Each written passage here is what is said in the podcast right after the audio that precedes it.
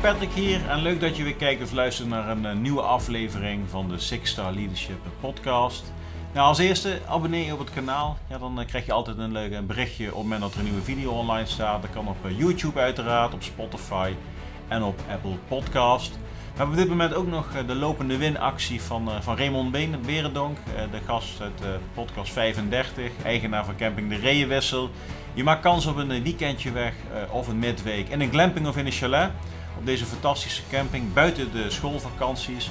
Wat moet je daarvoor doen? Uh, abonneer je op YouTube en uit een van de YouTube subscribers uh, trek ik op 30 april 2021 een winnaar voor deze vette actie. Dus uh, nou, snel door naar de gast van vandaag. dat is Rijke Binnenkamp. een tijd terug een afspraak gemaakt. Maar door wat omstandigheden is die nu pas gepland. En dat is hartstikke leuk. Want Rijke heeft een rijke ervaring binnen Defensie niet zozeer Afghanistan of gevechtshandelingen, maar echt vanuit eh, de PNO, dus personeel- en organisatietak, eh, leiderschap, teambuilding en dat soort zaken allemaal. Nou, mooi gesprek, bijna twee uur, we bespreken een hoop en ik eh, weet zeker dat er mooie dingen tussen zitten. Die, nou, we gaan lekker aan de slag, subscribe je op het kanaal, maak kans op de prijs en ik wens je heel veel plezier met het gesprek met Rijk Binnenkamp. Alles gedaan, Rijk. Ja vloeiende overgang. Ja. Wat wil je weten, Patrick? Wat wil je weten? Ja, ik zeg altijd welkom in Haarlem. Ja. We beginnen altijd Het is mooi weer. Het is mooi weer. Wij vinden het mooi weer. Ja. De zon scheen een beetje en uh, we hebben net het paasweekend achter de rug. Dat was afgelopen week. Een hele rumoerige politieke week achter de rug. Ja. ja en dan is het hoogtepunt is dan de vrijdagochtend. Ja, de podcast. Ja, okay. welkom Rijk Benkamp. Dank je. Helemaal uit Nijeveen. Ja, of all places. Ja, van oost naar west. Ja. Hoe voelt dat? Onwennig. Onwennig. Ja. Nee, voor een Drent is, uh, is deze hoek van het land uh, niet de meest aantrekkelijke. Nee. nee. nee. Wat maakt Drenthe dan aantrekkelijk? De rust, de ruimte. Ja. De vorige podcastgast, die, uh, die komt uit Hoge Ja. ja. Dat is dan bij jou in de hoek. Ja, dat is op de fiets te doen. Ken je de camping? Nee, ik ken, ik ken, hem niet. nee, nee. Nee.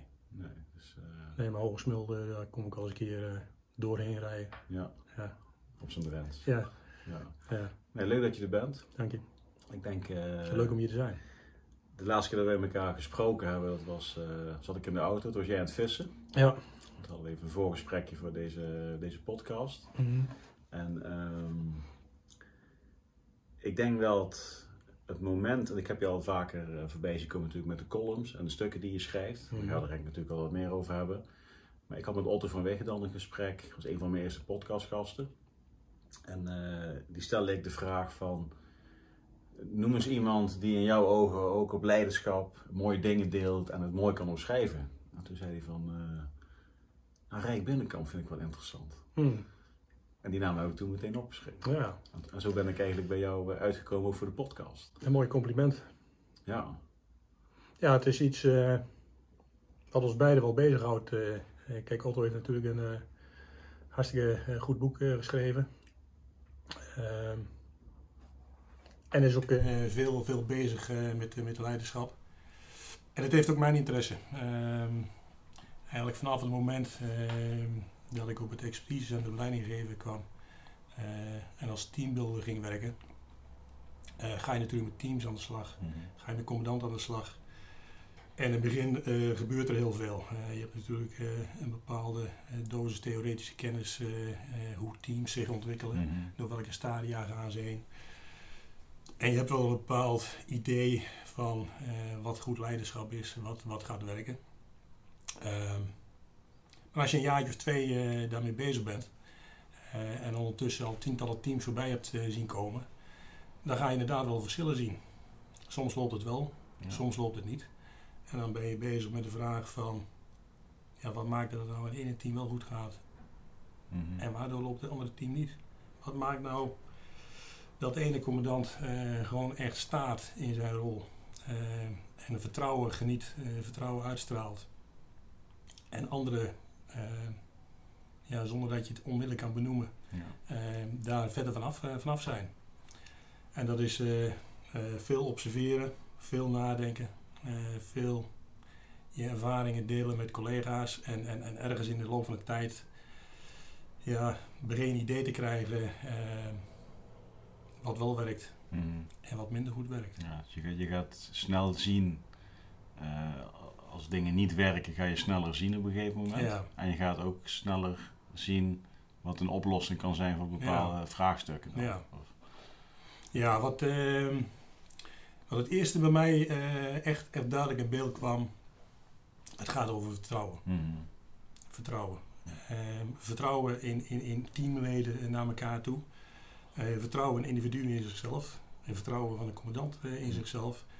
Ehm, dat is een heel belangrijk aspect. Het gaat over, over dingen als ontspanning. Ehm, ik weet in de jaren als, als teambuilder ehm, heb, ik, heb ik vaak eh, gesprekken gevoerd ergens zo tijdens het teambuildingsmoment eh, dat je even de zachte steen opzoekt en met de commandant gaat zitten van nou hoe gaat het nu? Ehm, en ik heb heel veel gesprekken gevoerd in de trant van joh, je moet, je moet wat meer ontspannen. Ja. Ik zie dat je heel hard werkt, maar je moet echt ontspannen. Ja. Ik heb even zitten turven, zei ik dan. Ehm, in jouw team zit ongeveer eh, eh, 250 jaar dienstervaring en 400 jaar levenservaring. Hm. En jij verkeert in de illusie dat je het beter weet. Ja. Nou, ik heb nieuws voor je. Ja. Je weet het echt niet beter. Nee. Alle kennis eh, die zit in het team. Ehm, en als jij ontspant, dan komt dat wel eh, dan komt het vanzelf naar boven toe. Ja. Ja. Ehm, en dat, ja, dat, dat verstaat de een meer dan de ander. En een ander aspect, eh, zoomend eh, naar eh, de leider als individu. Ehm, ik weet nog, ik had op een gegeven moment eh, had ik, eh, had ik een week vrijgenomen. Ik, eh, ik was thuis eh, de boel aan het schilderen, Mhm. de buitenboel. Ik stond met mijn iPodje op het oor en ik dacht bij mezelf al iPod, schilderend en schurend. Ja. Wat een geweldige baan heb ik hier. Mhm. Wat zit ik, wat zit ik nu echt goed op mijn plek? Eh, wat is het wel mooi wat ik doe? En ehm, wat, wat een goede team zie ik eigenlijk voorbij komen. En wat een goede commandant hebben we. En ehm, zijn ze allemaal goed? Nee, er zit wel eens één keer iemand tussen waar je denkt van, ja, weet je, jij zit niet, jij zit niet helemaal op je plek eh, eh, op, op, eh, op dit moment. Eh, maar het gros, als je rapportcijfers van, van 0 tot 10, eh, zag ik veel zevens en achten voorbij Mhm. komen. Ja. Maar ik had ook al teambuildingen gehad en waarin ik de negers en dan een enkele tien voorbij zag komen.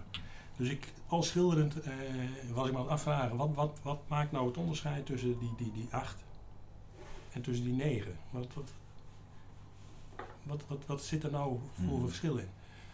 En ehm, op een gegeven moment eh, viel in één keer het woord authentiek viel, viel, eh, naar binnen. En ik dacht, ja, vrek, dat, dat is het wel. Die, die negers en tienen zijn wel heel authentiek. Mhm. En ik verkeerde in de veronderstelling dat ik eh, prima wist wat authentiek eh, betekende. Eh, maar op een of andere manier, een paar dagen later, googelde ik daar eens op. En eh, ik stuitte op een boek van eh Brené Brown. Eh, jou denk ik ook wel bekend. Mhm. De kracht van authenticiteit. Ja. Een wetenschapper die, die een groot deel van haar wetenschappelijke loopbaan met het begrip authenticiteit bezig is geweest. Ik denk, nou, dat boek moet ik hebben. Boek besteld, gelezen en ja, dan, dan regende er in één keer kwartjes. Hm. Eh, want authenticiteit gaat ook over kwetsbaarheid. En toen dacht ik, dat is wat ik zie.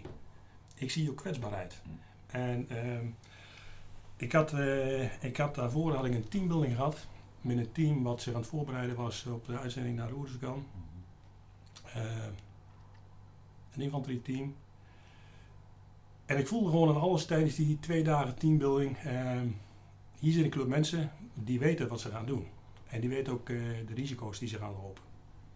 Ehm, en je voelt gewoon op sommige momenten in die teambuilding ehm, dat er wordt rondgekeken.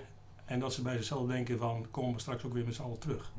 Hè, eh, dus het ging, ging er echt over. En ergens in een teambuilding eh, wordt vanuit het team een vraag aan de commandant gesteld. En ik weet, ik zat in de zijkant. En ik dacht al bij mezelf toen die vraag, en ik, ik, ik kan me de vraag niet eens meer herinneren, maar ik weet nog dat ik dacht van, zo, geef daar maar eens antwoord op. Mhm. En de commandant die nam me even een moment en die zei van, eh, ik weet het niet. Het enige wat ik weet is, eh, Het is eigenlijk het makkelijkste antwoord, maar het moeilijkste om te geven. Ja, ja, ja. Ja.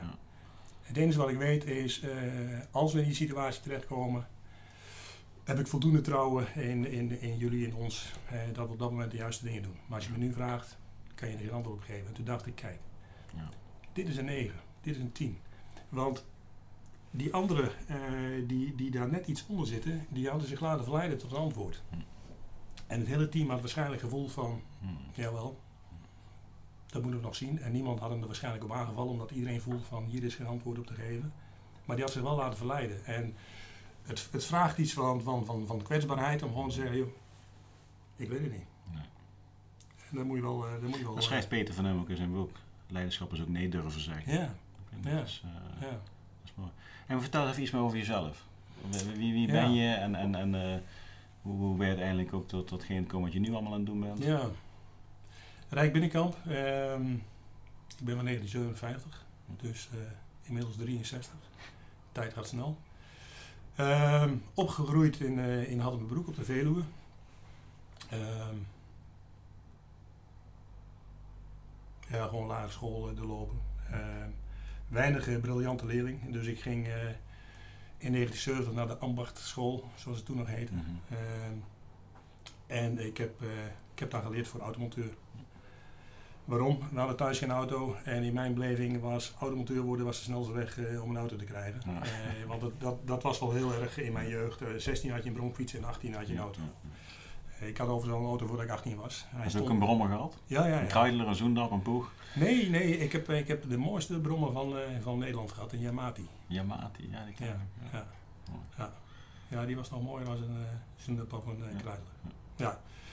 Ehm, toen ik eh, van de ambachtsschool afkwam, eh, ben ik bij Stork Werkspoor gaan werken in scheepsdieselmotoren. Ehm aanvankelijk als leerling en uiteindelijk eh, servicemonteur eh, geworden. Maar het ging slecht, eh, ging slecht in, die, in die industrie.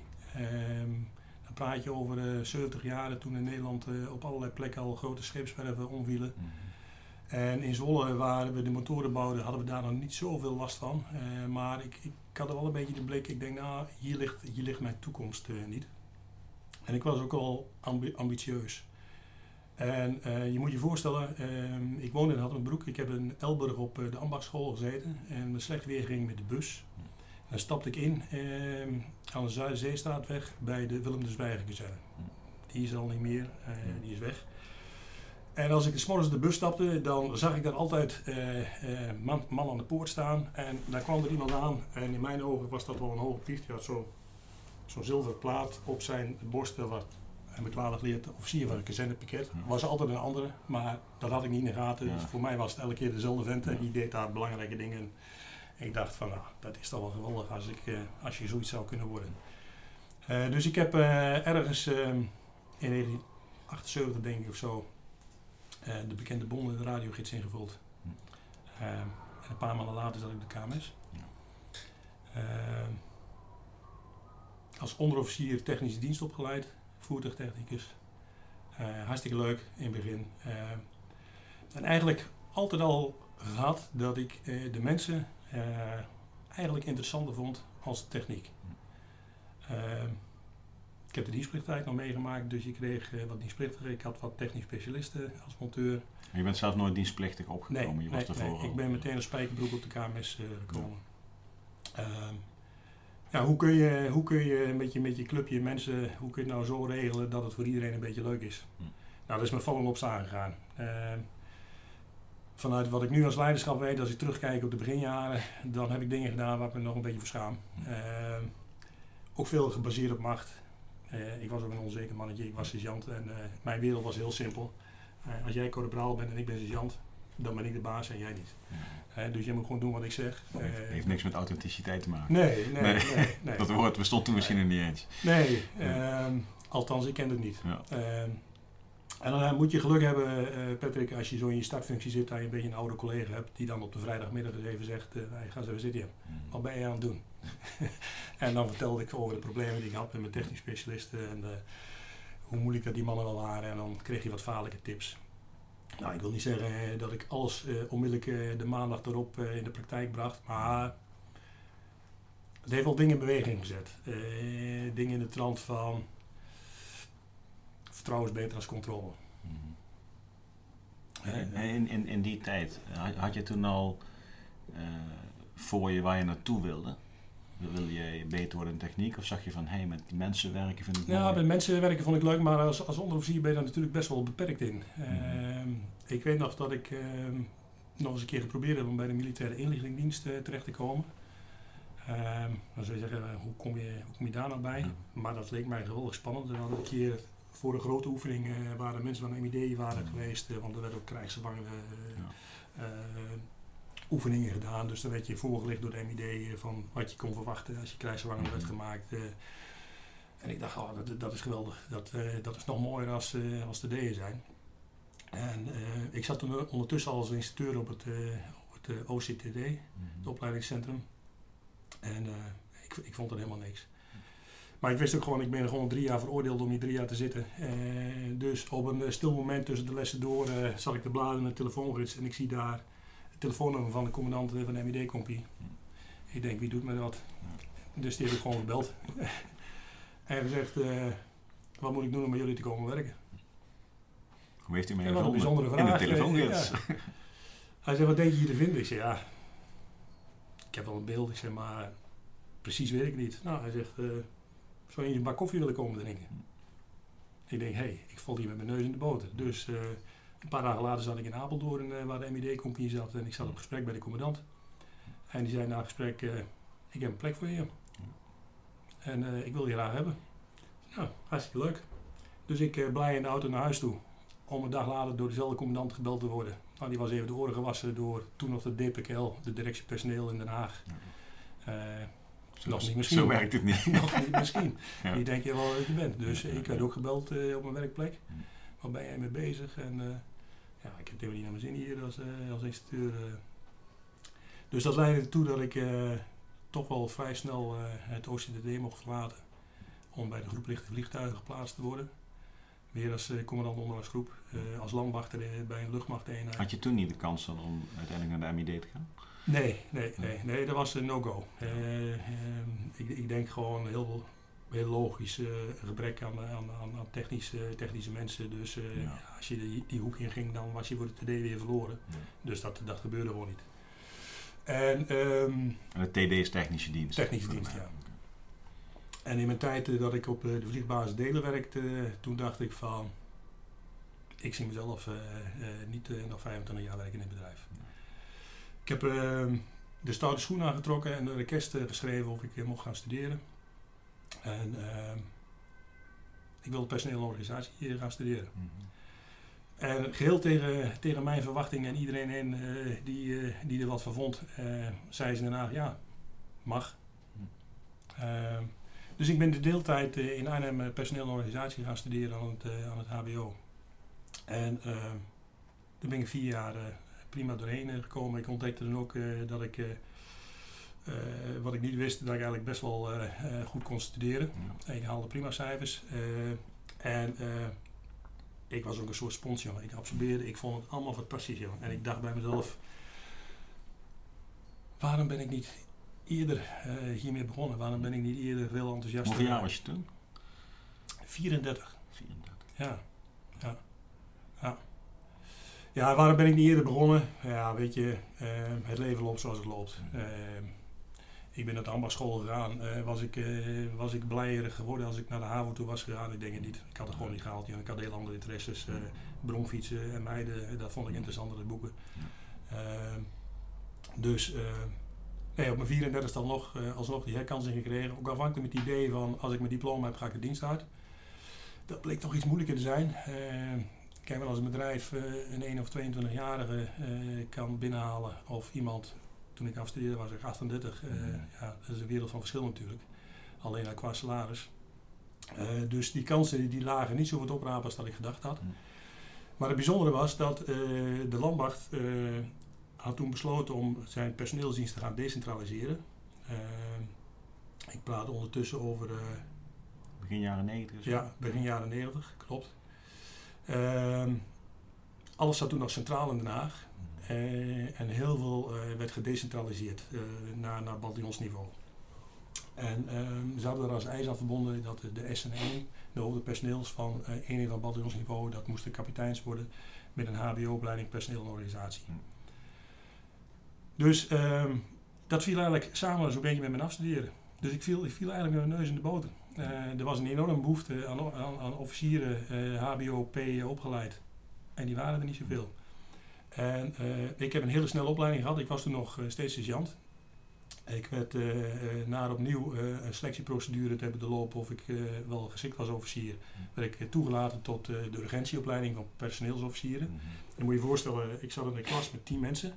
Was een maatwerkopleiding.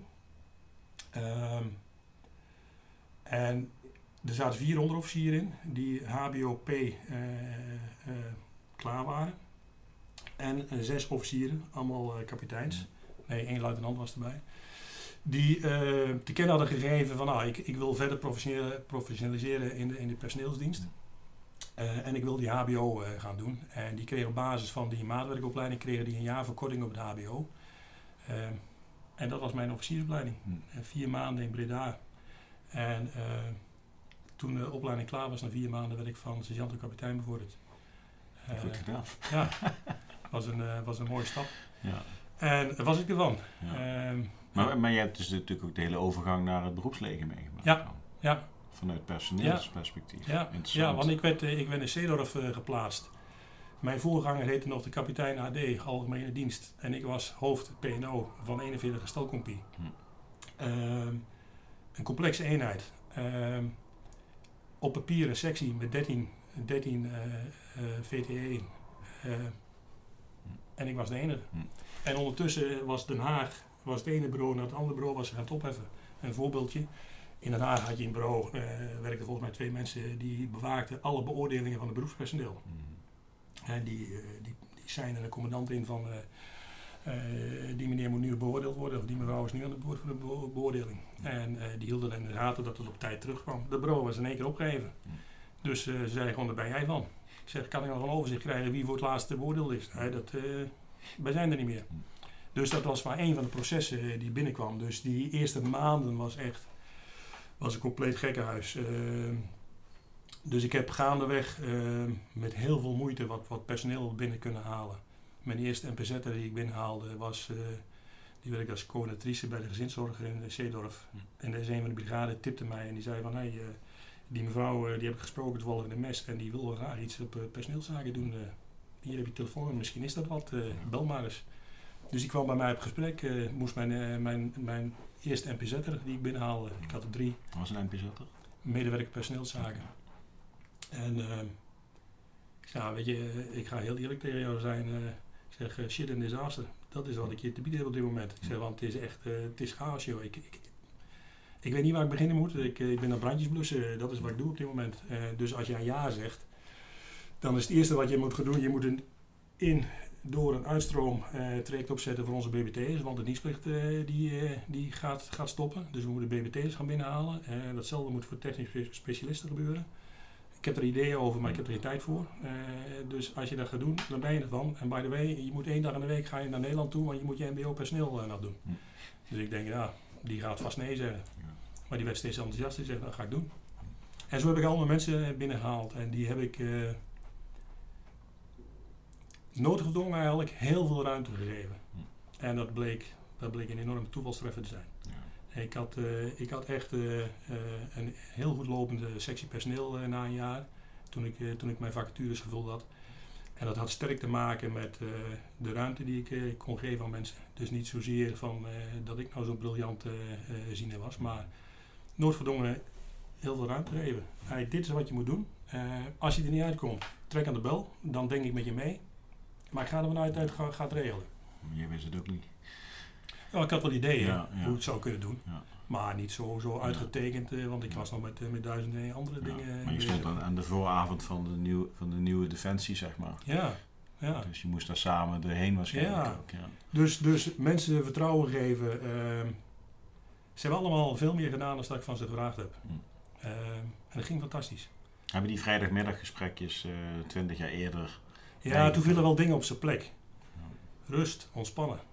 Uh, het is me niet altijd gelukt, maar ik, ik nam ook altijd voor om uh, op, zijn minst toch wel een kwartier per dag uh, even de stoel achterover te kandelen, mijn benen op het bureau te leggen hm. en even na te denken van wat zijn we eigenlijk aan het doen met, met z'n allen. Hm. Wat gaat er goed, wat gaat er, wat gaat er minder goed.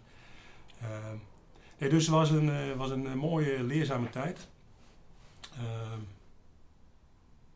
ik heb eh, bijna vier jaar op de stelcompie eh, gezeten en toen werd ik uh, S1 van zelfstandige eenheden. En daar ben ik major geworden. Hm. Dus eigenlijk ja, is mijn loopbaan als, als officier is, is heel snel gegaan. Eigenlijk was ik van sergeant eh, tot, tot major in eh, iets meer dan vier jaar. Hm. Ehm, en toen, toen heb ik ook wel even een knikje, knikje gehad. Ehm, ik heb in 2002, eh, met de kennis van nu, kan ik wel zeggen, iets van een burn-out eh, gehad. Ehm, omdat ik ook heel erg op, op zoek was naar een soort van, van, van intrinsieke rust. Ehm, en ik, ik ontdekte eh, steeds meer dat ik, ik, ik. Ik vond het gewoon niet. Ehm, hè, toen ik nog onderofficier was en eh, zich aftekende dat ik misschien wel officier binnen die personeelsdienst kon worden, dacht ik, oh, dan moet ik, dan ga ik dus naar het OCOSD. Twee jaar. En dan kom ik er als luitenant af. ik denk, nou, een beetje doortellen. Ik denk, dan ga ik als kapitein in dienst uit. Goh, als me dat toch zo lukken. Fantastisch. Ehm, nou, door allerlei omstandigheden uh, gaat het allemaal veel sneller. Ehm, en toch miste er nog steeds iets. Ik had nog steeds een soort van, van, van, van onrust uh, over me. En ik dacht wel van, weet je, ik zoek het op de verkeerde plek. Ik, ik, ik zoek het in, in, in, in, uh, in salaris. Ik, ik zoek mijn geluk in een bepaalde positie bereiken. Uh, maar als ik nu over een paar jaar overste word, dan gaat het, dat gaat geen verschil maken. Dus ik, ja, ik zoek op de verkeerde plek. En uh, ik, ik, was ondertussen uh, vanuit Zeedorf uh, teruggeplaatst naar Nederland toe. Ik werkte als plaatsvanger S1 van de brigade in, in Havel, de 43e brigade. En ehm, vooral de functie van veel papier verschuiven. Dus ik zat er ook gewoon niet echt, echt op plek. En ik, ja, ik maakte er ook kenbaar, weet je. Ehm, waardeloze brigade. Waardeloze sectie, waardeloze mensen. Nog alleen maar een andere. Ja. ja, uh, ja, dat zei heel veel uh, over mij en niks over anderen. Mm. En ik had daar een, uh, op een gegeven moment een gesprek over met Henk Siebem, een goede collega. Kan ik hem binnen en Henk, Henk was, is wel iemand die, die echt, echt zijn voelspriet altijd uit heeft staan. En die was hoofd van zelfstandige eenheden bij die brigade, de functie die ik in Zeedorf had gedaan. En de brigadestaf viel personeeltechnisch ook onder hem. Dus die komt op een gegeven moment mijn bureau op en... Uh, hey, hoe gaat het nou? Ik zei, Henk, ik zei, wil je een eerlijk antwoord of een sociaal wenselijk antwoord? En hij deed de deur dicht en zei, ik wil een eerlijk antwoord. Ik zei, oh, kut. kut. Ik heb het zo slecht naar mijn zin hier. Dus we hadden uh, een goed gesprek en uh, na afloop zei Henk... weet je wat jij zou moeten doen, joh? Je zou eens een training NLP moeten gaan doen. Hmm. Neurolinguistisch programmeren. En dat had ik tijdens mijn HBO-opleiding had ik daar kennis mee gemaakt. En toen gedacht van, hey, dit is interessant, hier ga ik nog eens een keer wat mee doen. Maar ja, dan kom je in Zeedorf terecht in een soort van rollercoaster. En uh, het was van mijn agenda verdwenen. Ik zeg, ja, je hebt gelijk, joh. dat zou wel eens wat voor mij kunnen zijn. Dus ik ga het voor je regelen. En waarom dacht hij dat dat iets voor jou zou kunnen Hij had het zelf gedaan. Okay. Uh, en hij wist dus het proces waar ik doorheen ging, zou gaan. En Henk heeft het helemaal voor mij geregeld. Uh, die kwam op een gegeven moment, hij zegt, uh, dan en dan kun je terecht. Eh, de opleiding is betaald. En ik weet nog, eh, de dag voordat ik eh, naar Zuid-Laren, want de training gereden, kwam Henk nog langs. Hij zei, je staat op een keerpunt in je leven, Rijk. Hij zei, by the way, je moet wel tissues meenemen. ja. Ik zei, je denkt dat ga zitten janken daar. Nee, hij zei, jij niet, zei hij. zei, maar anderen doen het soms wel. En dat is best wel sociaal als je even een zakje kan aangeven. Ja. Nou, ik ben, me, ik ben mezelf daar al tegengekomen. Ik heb wel een zakdoek vol gesnotterd. Ja. Alles wat je, wat je uit je jeugd hebt meegekregen. Uh, spreuken die we thuis uh, hadden, als je voor een dubbeltje geboren bent, word je nooit een kwartje. Uh, en dan ontdek je van ja, eigenlijk ben ik al lang een kwartje geworden. Maar ik voel me nog steeds een dubbeltje.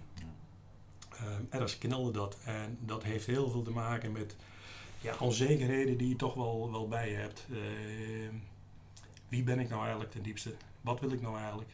Waar leg ik waar leg ik nou mijn prioriteiten? Ja, waar ik mee bezig ben is carrière maken. En wie betaalt er de prijs voor? Dat is mijn vrouw. Dat zijn, uh, dat zijn mijn jongens. Want papa is wel heel erg veel weg. Uh, werk is wel heel erg belangrijk. Uh.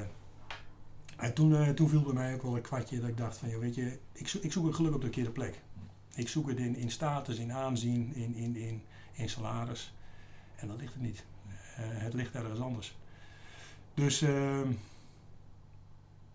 ehm, het was wel een goed moment om, eh, om echt bij jezelf eh, terecht te komen. Ehm, ook om je af te vragen, wat, wat wil ik nu? Ehm, ik zat toen al op mijn derde functie dan in, in, de, in de, in de P-organisatie. En ik merkte ook dat, ondertussen waren we een jaar of 10, 12 onderweg, dat er toch wel wat slijtage begon op te treden. Ik heb alleen maar in reorganisatie gezeten. ook ik ben iemand geweest die zegt van, we worden wel kleiner, maar we worden beter. Uh, maar ik was er wel op punt aangeland dat ik dacht van... Klopt, klopt klopt niet meer. Sta ik achter wat ik zei. Nee, dat, klopt, dat klopt niet meer. Uh, wij, wij zijn echt... Het spek is er al lang af. Uh, we zijn echt in het vlees aan het snijden nu. En, ehm, maar het is allemaal voor de Oerisgal-missies nog? Ja, ja. ja. Dus um, in Havelte viel voor mij het plan... Ja, ik, ik, ik wil eigenlijk naar de groep teambuilding. Ehm, ja, Volgens mij zaten er toen zes majoors op uh, als, als teambuilder. Bestaat dat nog, groep teambuilding? Ja, het is nu, het, is nu eh, het, het heet expertisecentrum leiding geven en daar, zitten, daar werken ook teamcoaches. Uh, ja, nu. Maar heeft er, Erik Braken, die is natuurlijk uh, vorming. Ja, Is dat eraan gelieerd nee, dan? Ja, het heeft wel raakvlakken, maar volgens mij valt het niet onder het expertise. Nee, okay. Het is ondertussen ook al paars geworden. in mijn tijd was dat nog niet zo. Dus ik heb uh, eerst vanuit, uh, vanuit gesolliciteerd. Uh, maar je moet op het juiste moment beschikbaar zijn. Moet net een vacature zijn. Lang wel kort, uh, niet gelukt. Ehm, toen ben ik ehm, naar mijn laatste PNO-functie vertrokken op het OTC vuursteun in het Harde. en toen ik daar een tijdje bezig was, toen kreeg ik te horen dat ik overste zou gaan worden binnen, binnen de personeelsdienst. Mhm. En ik had ondertussen mezelf uh, besloten, ik, ik, ik wil naar die groep teambuilding toe. Kost wat kost. Uh, Ook als het de kost zou gaan ja, van de, de, ja, ja. vordering. Ja, dan maar, dan maar geen hoogste. Ehm, want dat had voor mij betekend dat ik in die personeelsdienst moest blijven. dus toen ik wederom gesolliciteerd heb, toen, toen lukte het me wel om, om teambuilder te worden. Mhm ja, wat ik wil zeggen, ik had er veel over. Ik woon in Nijveen. Ik werd geplaatst in Budel, want er zat, uh, er zat toen de 16 teambuilding. Uh, dus dat trekt dan toch wel weer een wissel op, uh, op je gezin. Maar ja, thuis ook wel goed, uh, goed besproken. En ik denk dat mijn vrouw ook wel goed aanvoelde van als, het, als je goed, zit op, goed op je werkplek zit, dan, ja, dan heeft het allerlei voordelen. dus het was voor mij maandagmorgen vroeg weg. En donderdagavond of vrijdag weer thuis. Ik heb wel vrij snel uh, ben ik overgestapt naar 4 keer 9 uur. Om het uh, in ieder geval ja. de balans een beetje in de gaten te houden. In Budel is de kazerne waar, la waar, later ook de Duitse kazerne kwam. Er, zat, er was een Duitse kazerne, het is ondertussen een asielzoekerscentrum. Ja, ja, ja, ja Dus nou, van daaruit, je hebt een beetje een jaar interne opleiding voordat je echt, echt losgelaten wordt als, als zelfstandig teambuilder. Ja, heel veel meters gemaakt, want Oeruzgan kwam, uh, kwam op een gegeven moment uh, op en ehm, men had toch wel het, het zicht dat, je, dat je teams toch snel een boost kunt geven door, door twee, twee dagen echt heel gericht met een teambuilding bezig te zijn. Dat was ook mijn geluk, want ik heb uiteindelijk acht jaar op het expertise gezeten als, als teambuilder. Mm. Terwijl normaal gesproken drie, vier jaar toch echt wel een beetje je periode is. Maar toen mijn eerste turn erop zat uh, en ik tegen mijn, uh, mijn baas zei, uh, Peter Lenders, van ik, ik zou al een jaar langer willen blijven. Toen zei hij van nou, ik heb wel een ander idee. we kunnen jouw contract ook wel doortrekken tot, tot aan je FLO. Hm. Nou, ik durfde bijna niet te vragen, maar ja, ik, ik wil wel blijven. Ja.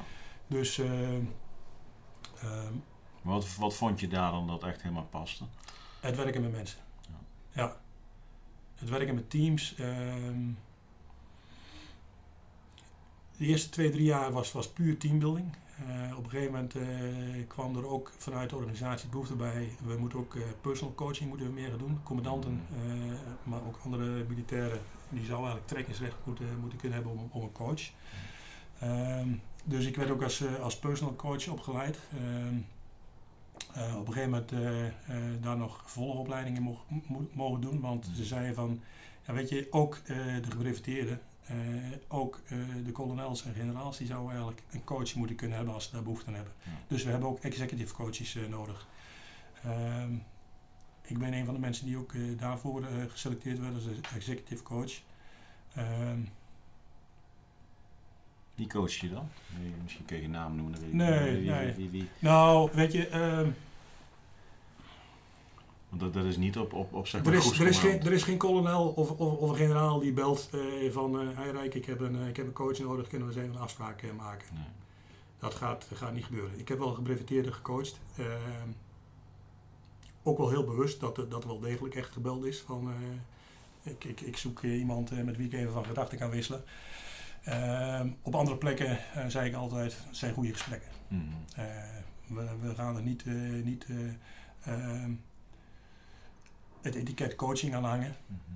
Maar weet je, ehm, commandanten, zeker op hogere niveaus, die zijn vaak al enorm geholpen als ze gewoon onbevangen met iemand kunnen praten. Iemand die geen belang heeft. Mhm. Je- ik bedoel, je kunt brigadecommandant eh, zijn en, en bijvoorbeeld een S3 hebben of een S4 met wie je klik hebt.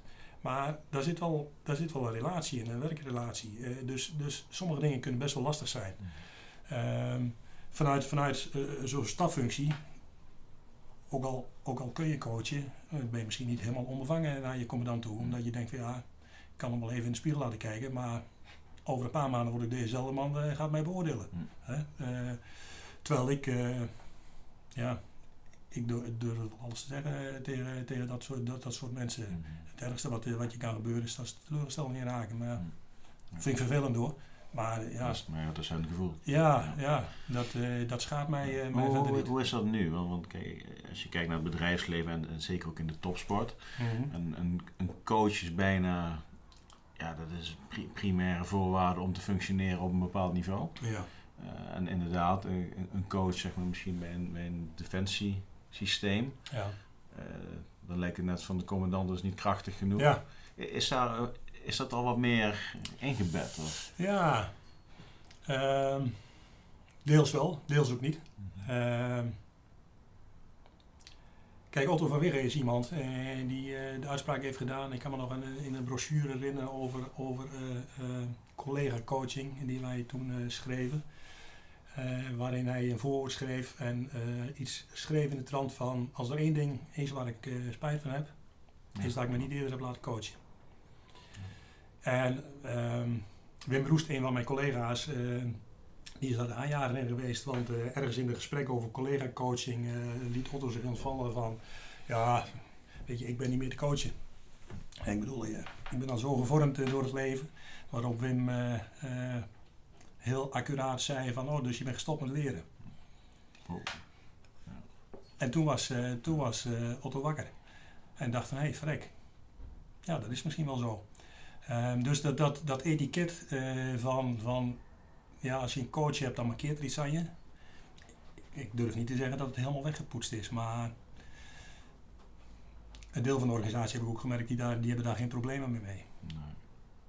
Eh, En, en ehm, het is denk ik ook een, een stuk onbekendheid eh, met, met, met coaching. Ehm, ik bedoel, vanuit mijn rol van coach, stel dat jij mijn coachie bent, ik ga jou niet vertellen wat je moet doen.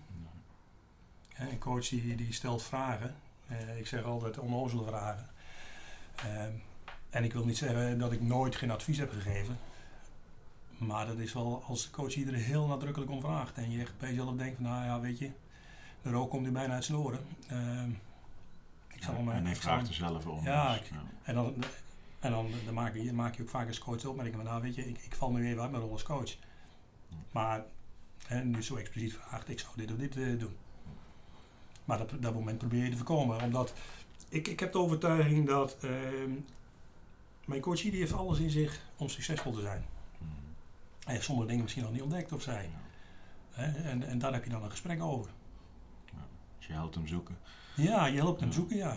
Ja, en je, je valt eens een keer samen. Ja. Je bent, je bent niet aan het zoeken. Nee, nee. Nee, want mensen zijn ook niet ziek of zo, die zijn ook niet stuk. Maar is het dan in dit geval, eh, we gaan een keer even terug naar de teambuilding, Mm. want dat vind ik wel interessant, maar dat, dat ehm, coaching, maar zo kijk ik er zelf naar, als er een bepaalde werkrelatie is, of je zit binnen een organisatie, dat het heel moeilijk is om te coachen omdat je veel te veel bevooroordeeld bent. En dat er, Ja. er zit dan een filter tussen datgene hoe je tegenover je coachie staat. Ja, ja. Ja.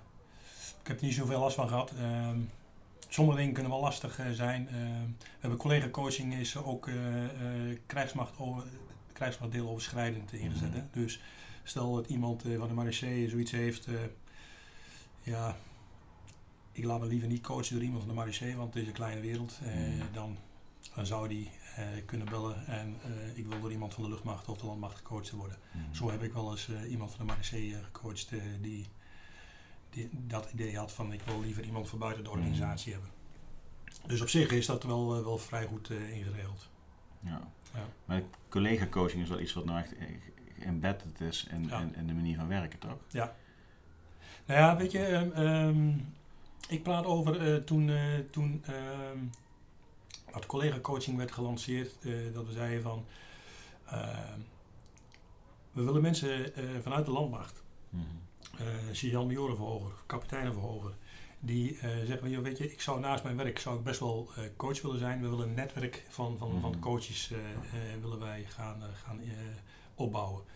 Eh, en daar hebben gelukkig heel veel mensen op gereageerd, eh, die ook eh, door een eh, selectie eh, heen zijn Mhm. gegaan. Eh, sommigen werden teleurgesteld, anderen mochten een coachopleiding volgen.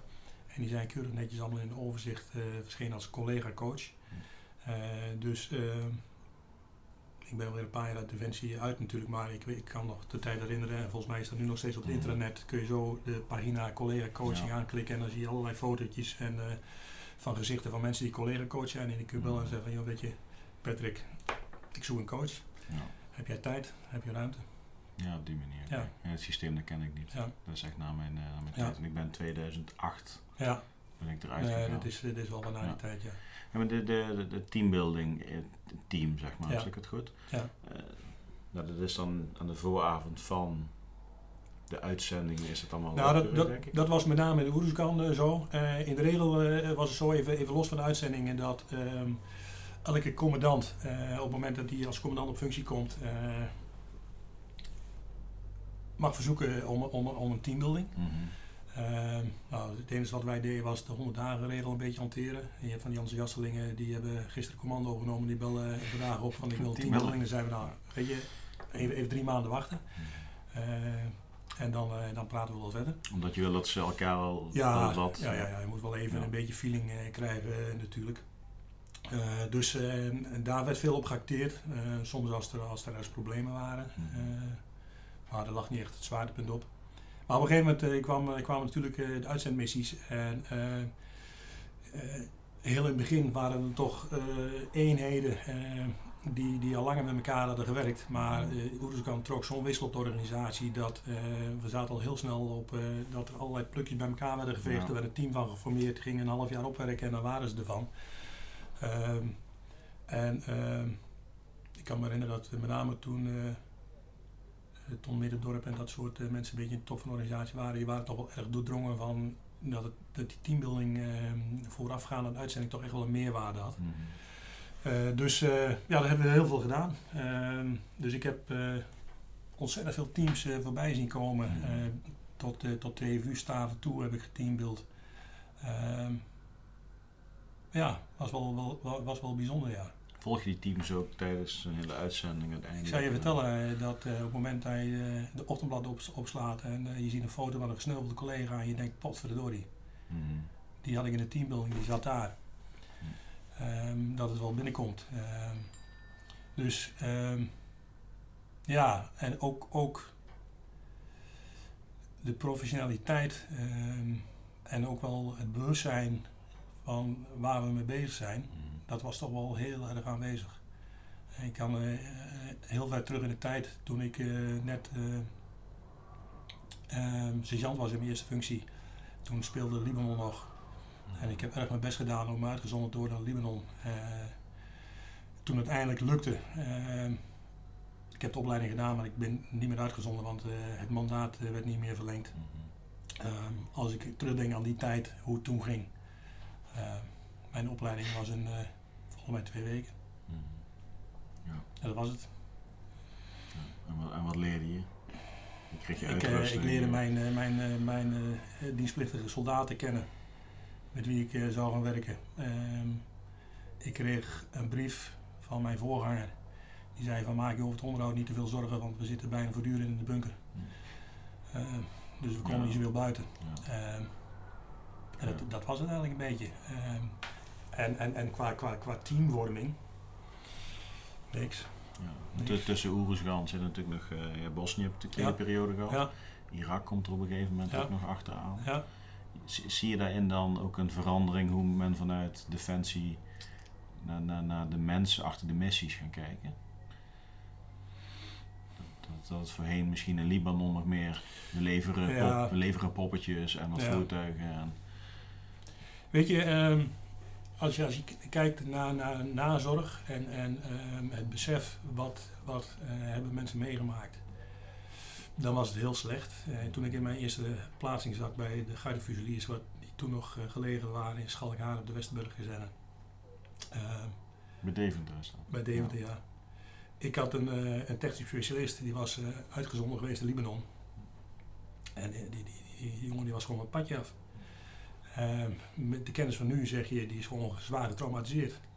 Ehm, toen werd hij gewoon voor idioot eh, versleten. Daar deden we niks in. eh.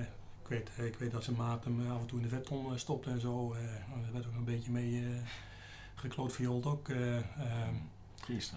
ja, triest Ja. triest. Dus die, kennis, die kennis was er ook gewoon niet. Toen ik in Zeedorf zat en natuurlijk Joegoslavië volop speelde, kwam er toch wel meer. Ehm, ik denk dat de echte professionalisering eh, pas in Oeruzgan eh, eh, nog weer een stap verder is, is gegaan.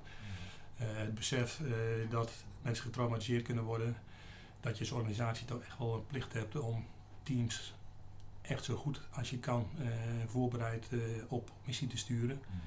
Ehm, ik weet ook toen, toen wij begonnen vanuit, vanuit de groep teambuilding, want wij hebben ons daar wel in moeten vechten. Eh, ik weet toen ik op, eh, op eh, de groep teambuilding terecht kwam, was de belangrijkste krant was de banenwinkel in, in Breda. Daar werkten drie of vier mensen die moeilijk met elkaar door de deur in konden en daar waren heel veel mensen mee bezig. En ehm, Wim Roest, Hans Melzen en ik waren, kwamen heel kort na elkaar nieuw daar binnen. Frans de Vries. En we hadden zoiets van, dit kan er niet waar zijn.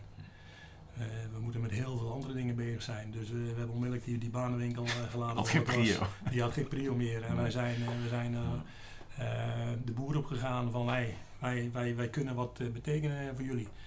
En op het moment dat je je eerste teams gaat teambeelden die naar Oeruzkan gaan. En die dus ook eh, merken de meerwaarde die zo- zo'n teambuilding eh, voor de teamvorming heeft. Ja, dan, dan maak je in één keer grote stappen. Dus eh, ook vrij snel kwam ehm, min of meer de verplichting eh, dat eh, teams geteambeeld moesten worden van tevoren. Aanvankelijk zetten we heel erg in op de TFU-staf. Ehm, maar volgens mij waren we daar één of twee rotaties erachter. We zitten helemaal verkeerd. Wij moeten bij de SUA, de Smallest Unit of Action, zijn, Mm. pelotonsniveau. Daar moeten wij, daar moeten wij teambeelden, want daar gebeurt het. Ja. Die staven, dat, dat gaat wel. Ik bedoel, ik wil niet zeggen eh, dat, dat het zonder risico is, maar eh, de mensen die eh, daadwerkelijk elke keer het gebied in gaan, ja, ik hoef jou Mhm. niks te vertellen, daar moet je zijn. Ja.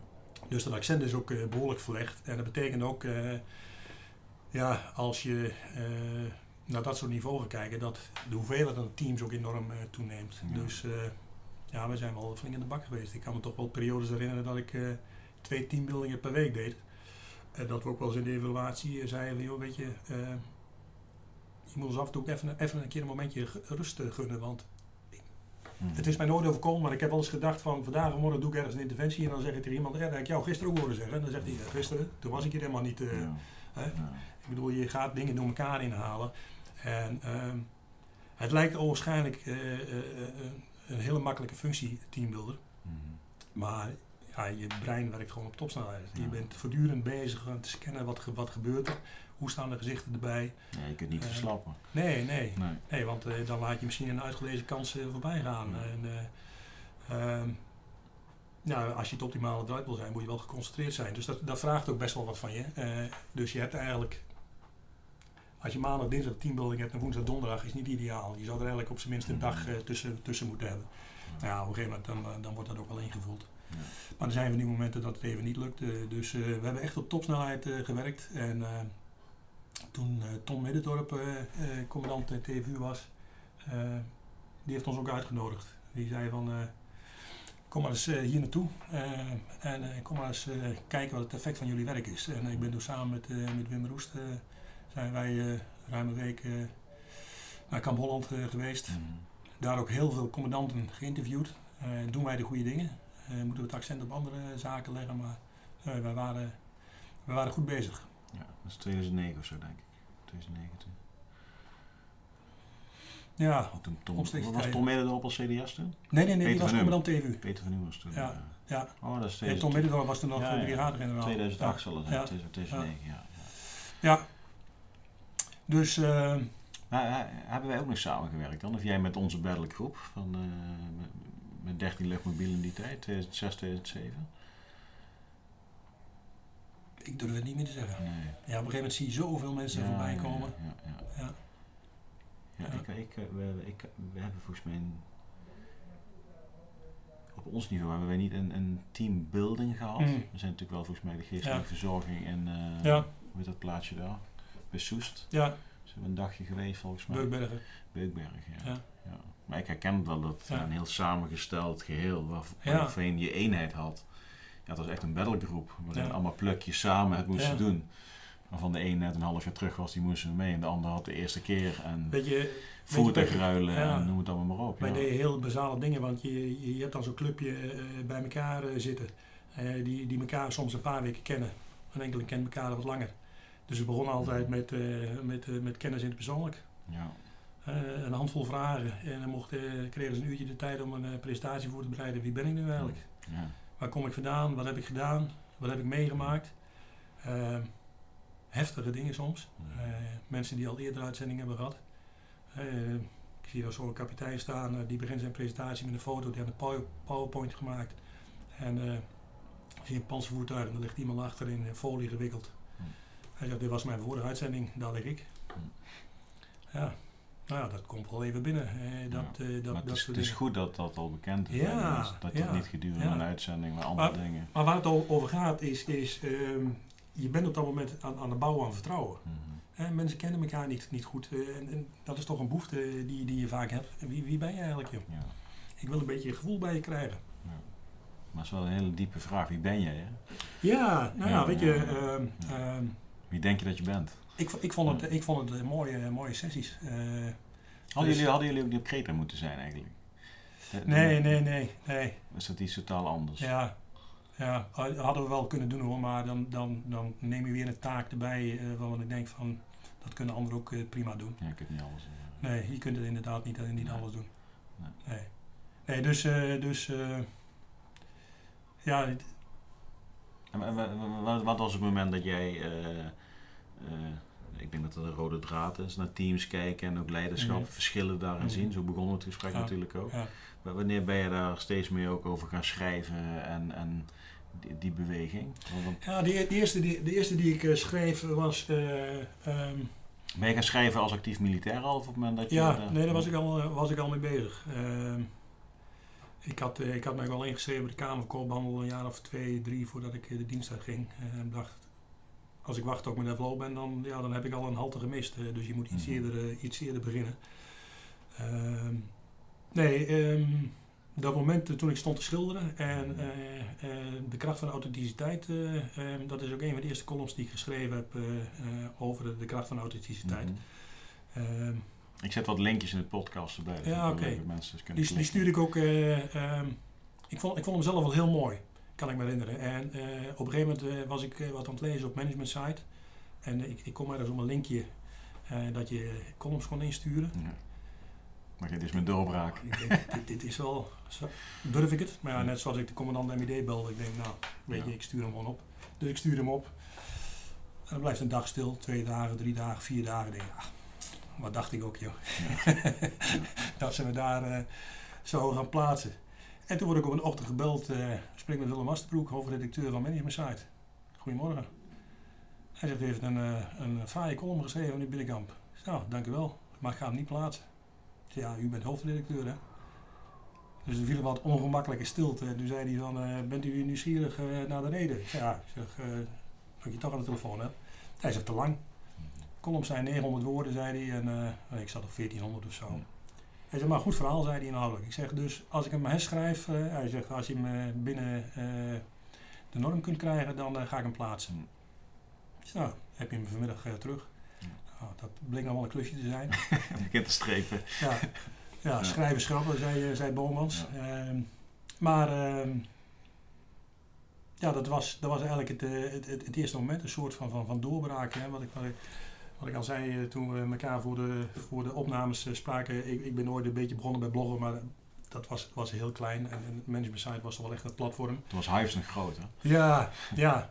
ja. En, en, en weet je, uh, als die dan goed gelezen wordt, uh, uh, dat vraagt naar meer. Dus ja, in het begin uh, schreef volgens mij elke week wel een column. En dat ging hartstikke goed. Ja. Dus ik, ik, had kennelijk veel wat ik, wat ik, wat ik wel kwijt, kwijt wilde. En ehm, ja, dat leiderschap, dat, dat, dat hoe, is eigenlijk altijd blijven hoe, Hoe werd dat binnen Defensie? Want, want collega's lezen natuurlijk ook zo'n column. Ja. Uh, nou goed, iedereen heeft dan ook zijn eigen opvatting over leiderschap. Ja. Ontstonden daar ook weer mooie gesprekken binnen de organisatie? Ja, ja ik moet zeggen, de, de, de, de feedback is overwegend positief. Uh, ook wel, ik heb ook wel eens reacties gehad op columns van, nou, als weer iemand uh, die nooit met zijn poot in de klei heeft gestaan en het helemaal beter weet, dan denk ik, nou, als je even, even de moeite had genomen om mijn profiel even te bekijken, dan had je geweten dat ik uit dezelfde organisatie kom. Maar ja, weet je, ja, zijn zeikers heb je altijd mm. natuurlijk. Maar in de regel wel, wel positief. Ehm, en dat, dat is ook wel een stimulans uh, om, uh, om ermee door te gaan. Um, weet je, en, en de honger stil niet, want dan zijn er van die momenten dat je denkt van, ah, weet je, ik heb het nu echt van een snotje. Mm-hmm. Ik weet wel hoe leiderschap uh, in, in, in de war steekt. Ik had een paar maanden terug voor een moment dat ik dacht van. Ik weet helemaal niet zoveel joh. Mm-hmm. ik had een, ik had een gesprek met een collega. Ik heb de afgelopen twee jaar weer voor de landmacht gewerkt rondom de theatervoorstelling Vuurdoop als organisatiecoach. En uh, we kwamen over leiderschap te praten en ik, ik, ik, vertelde wat van, van, van de dingen eh, die, waarvan ik dacht van nou, dat, dat heb ik wel een rijtje.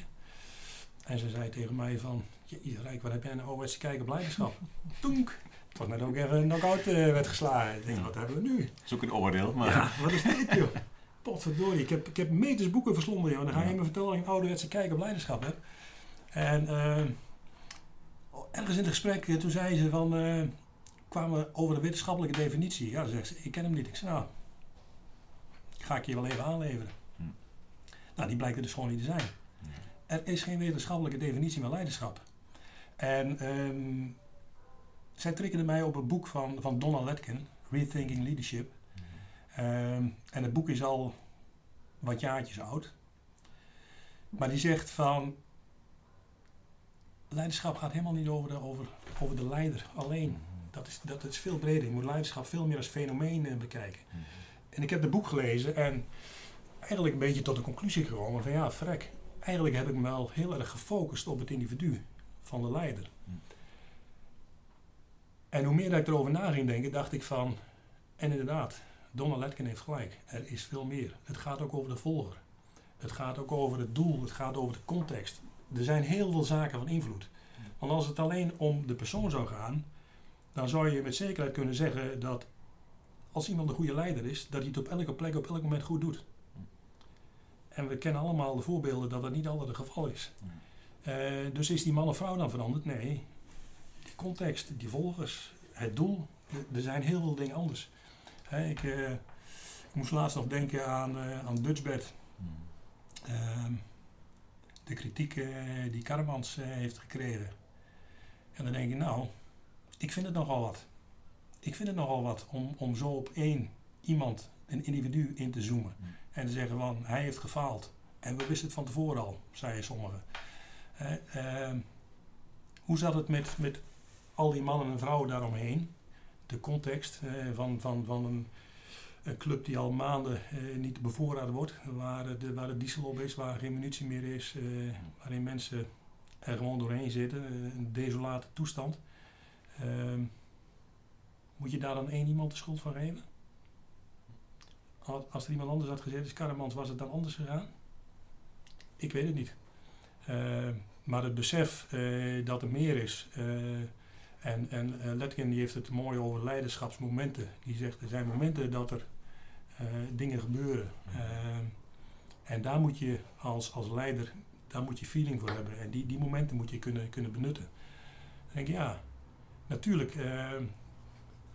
wat, wat Dick Berlijn zei in een van jouw vorige podcasts. Iedereen voelt wel aan wat, wat een goede en krachtige leider is. En, en, en wanneer dat niet het geval is. Mhm.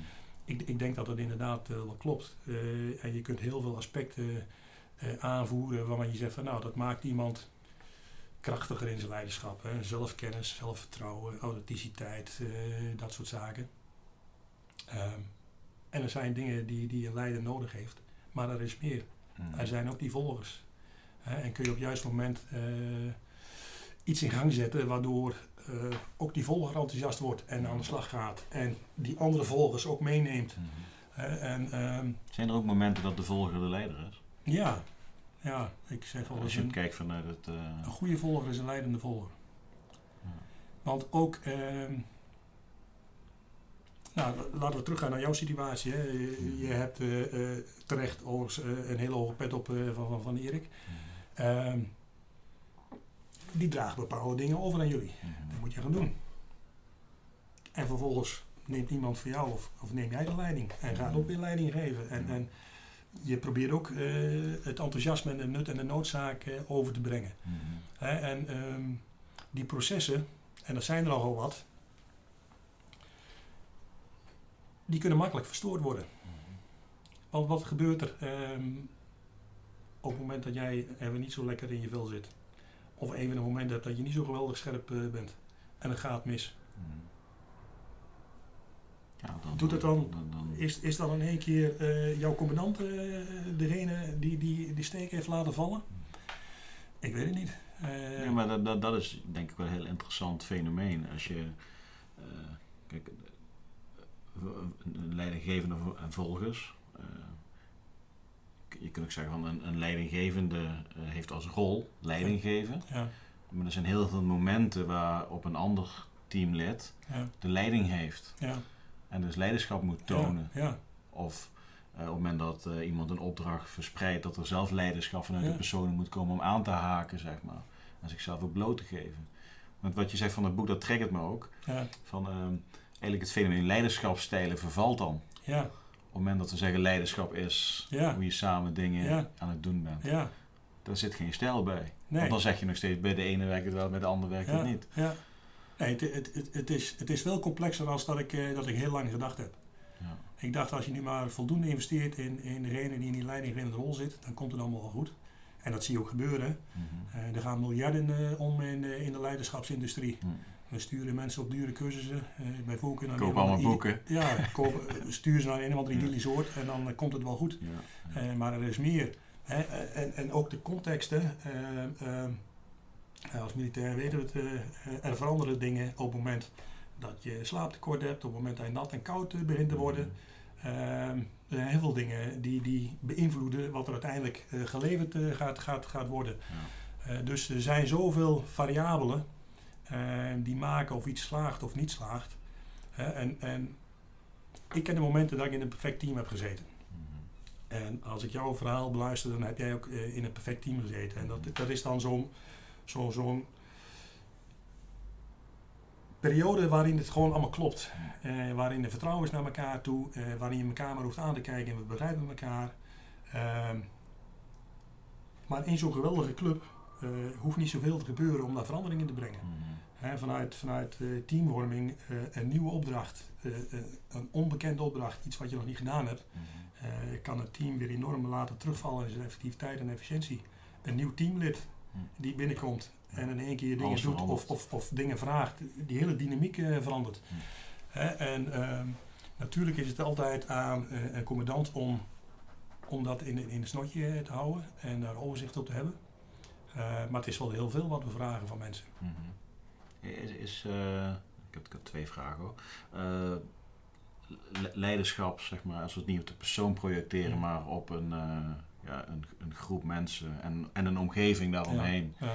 is, is het dan met name ehm, eh, het kunnen voelen en het omzetten tot begrijpen. Ja. Als dat zeg maar echt gewoon krachtig is, Ja. Dat je dan acties kunt ondernemen die passen bij de situatie en Ja. de omgeving. Ja, eigenlijk, eigenlijk eh, mag je van leiders eh, eh, verwachten dat ze heel holi- holistisch kunnen kijken.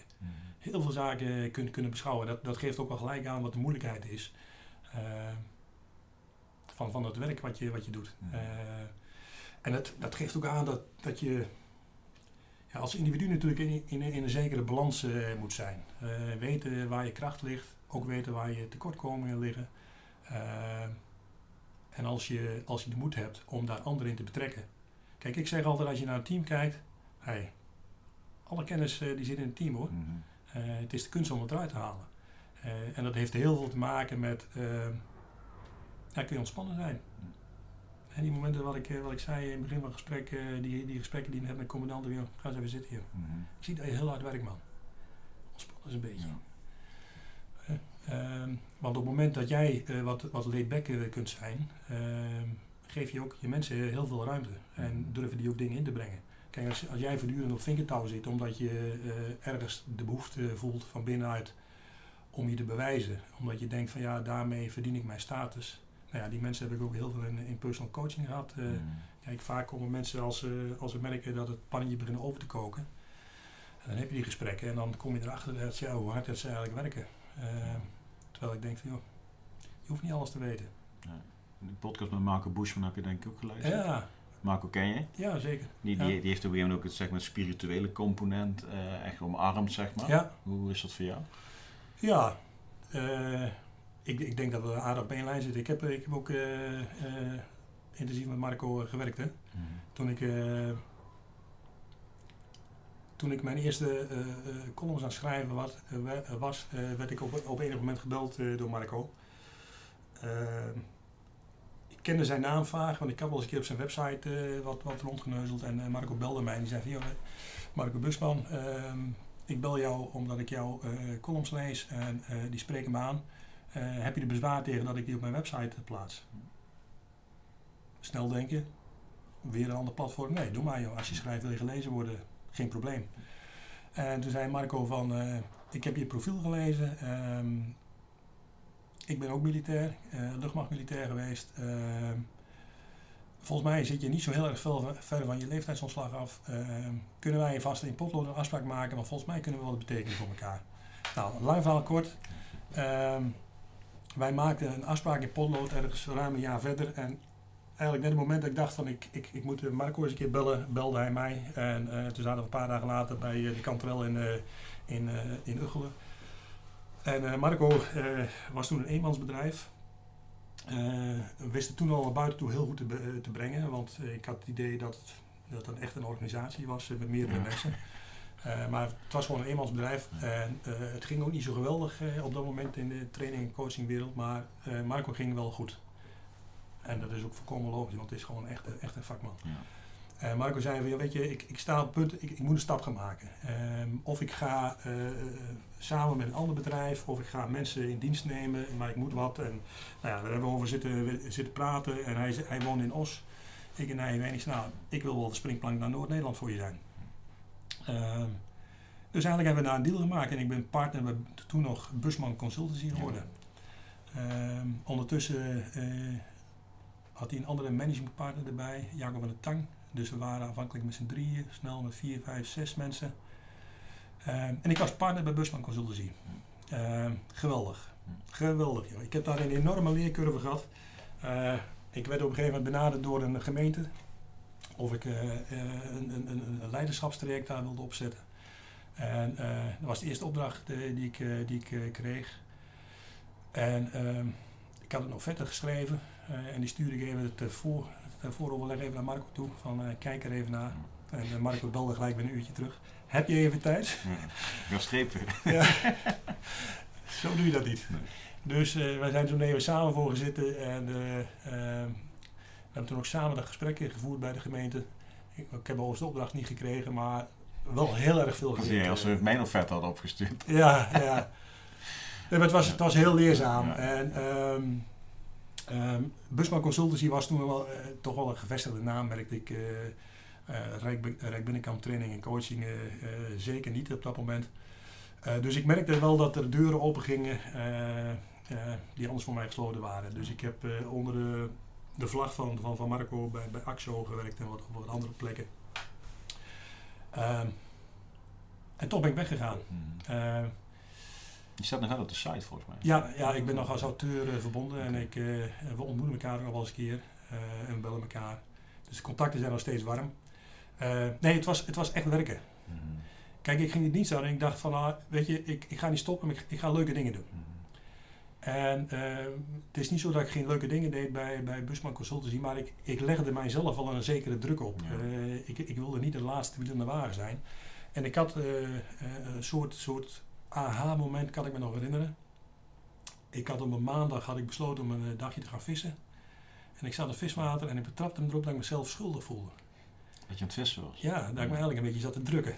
Want ik kan nu natuurlijk ook acquisitie aan doen zijn. Ja, En toen dacht ik, oh.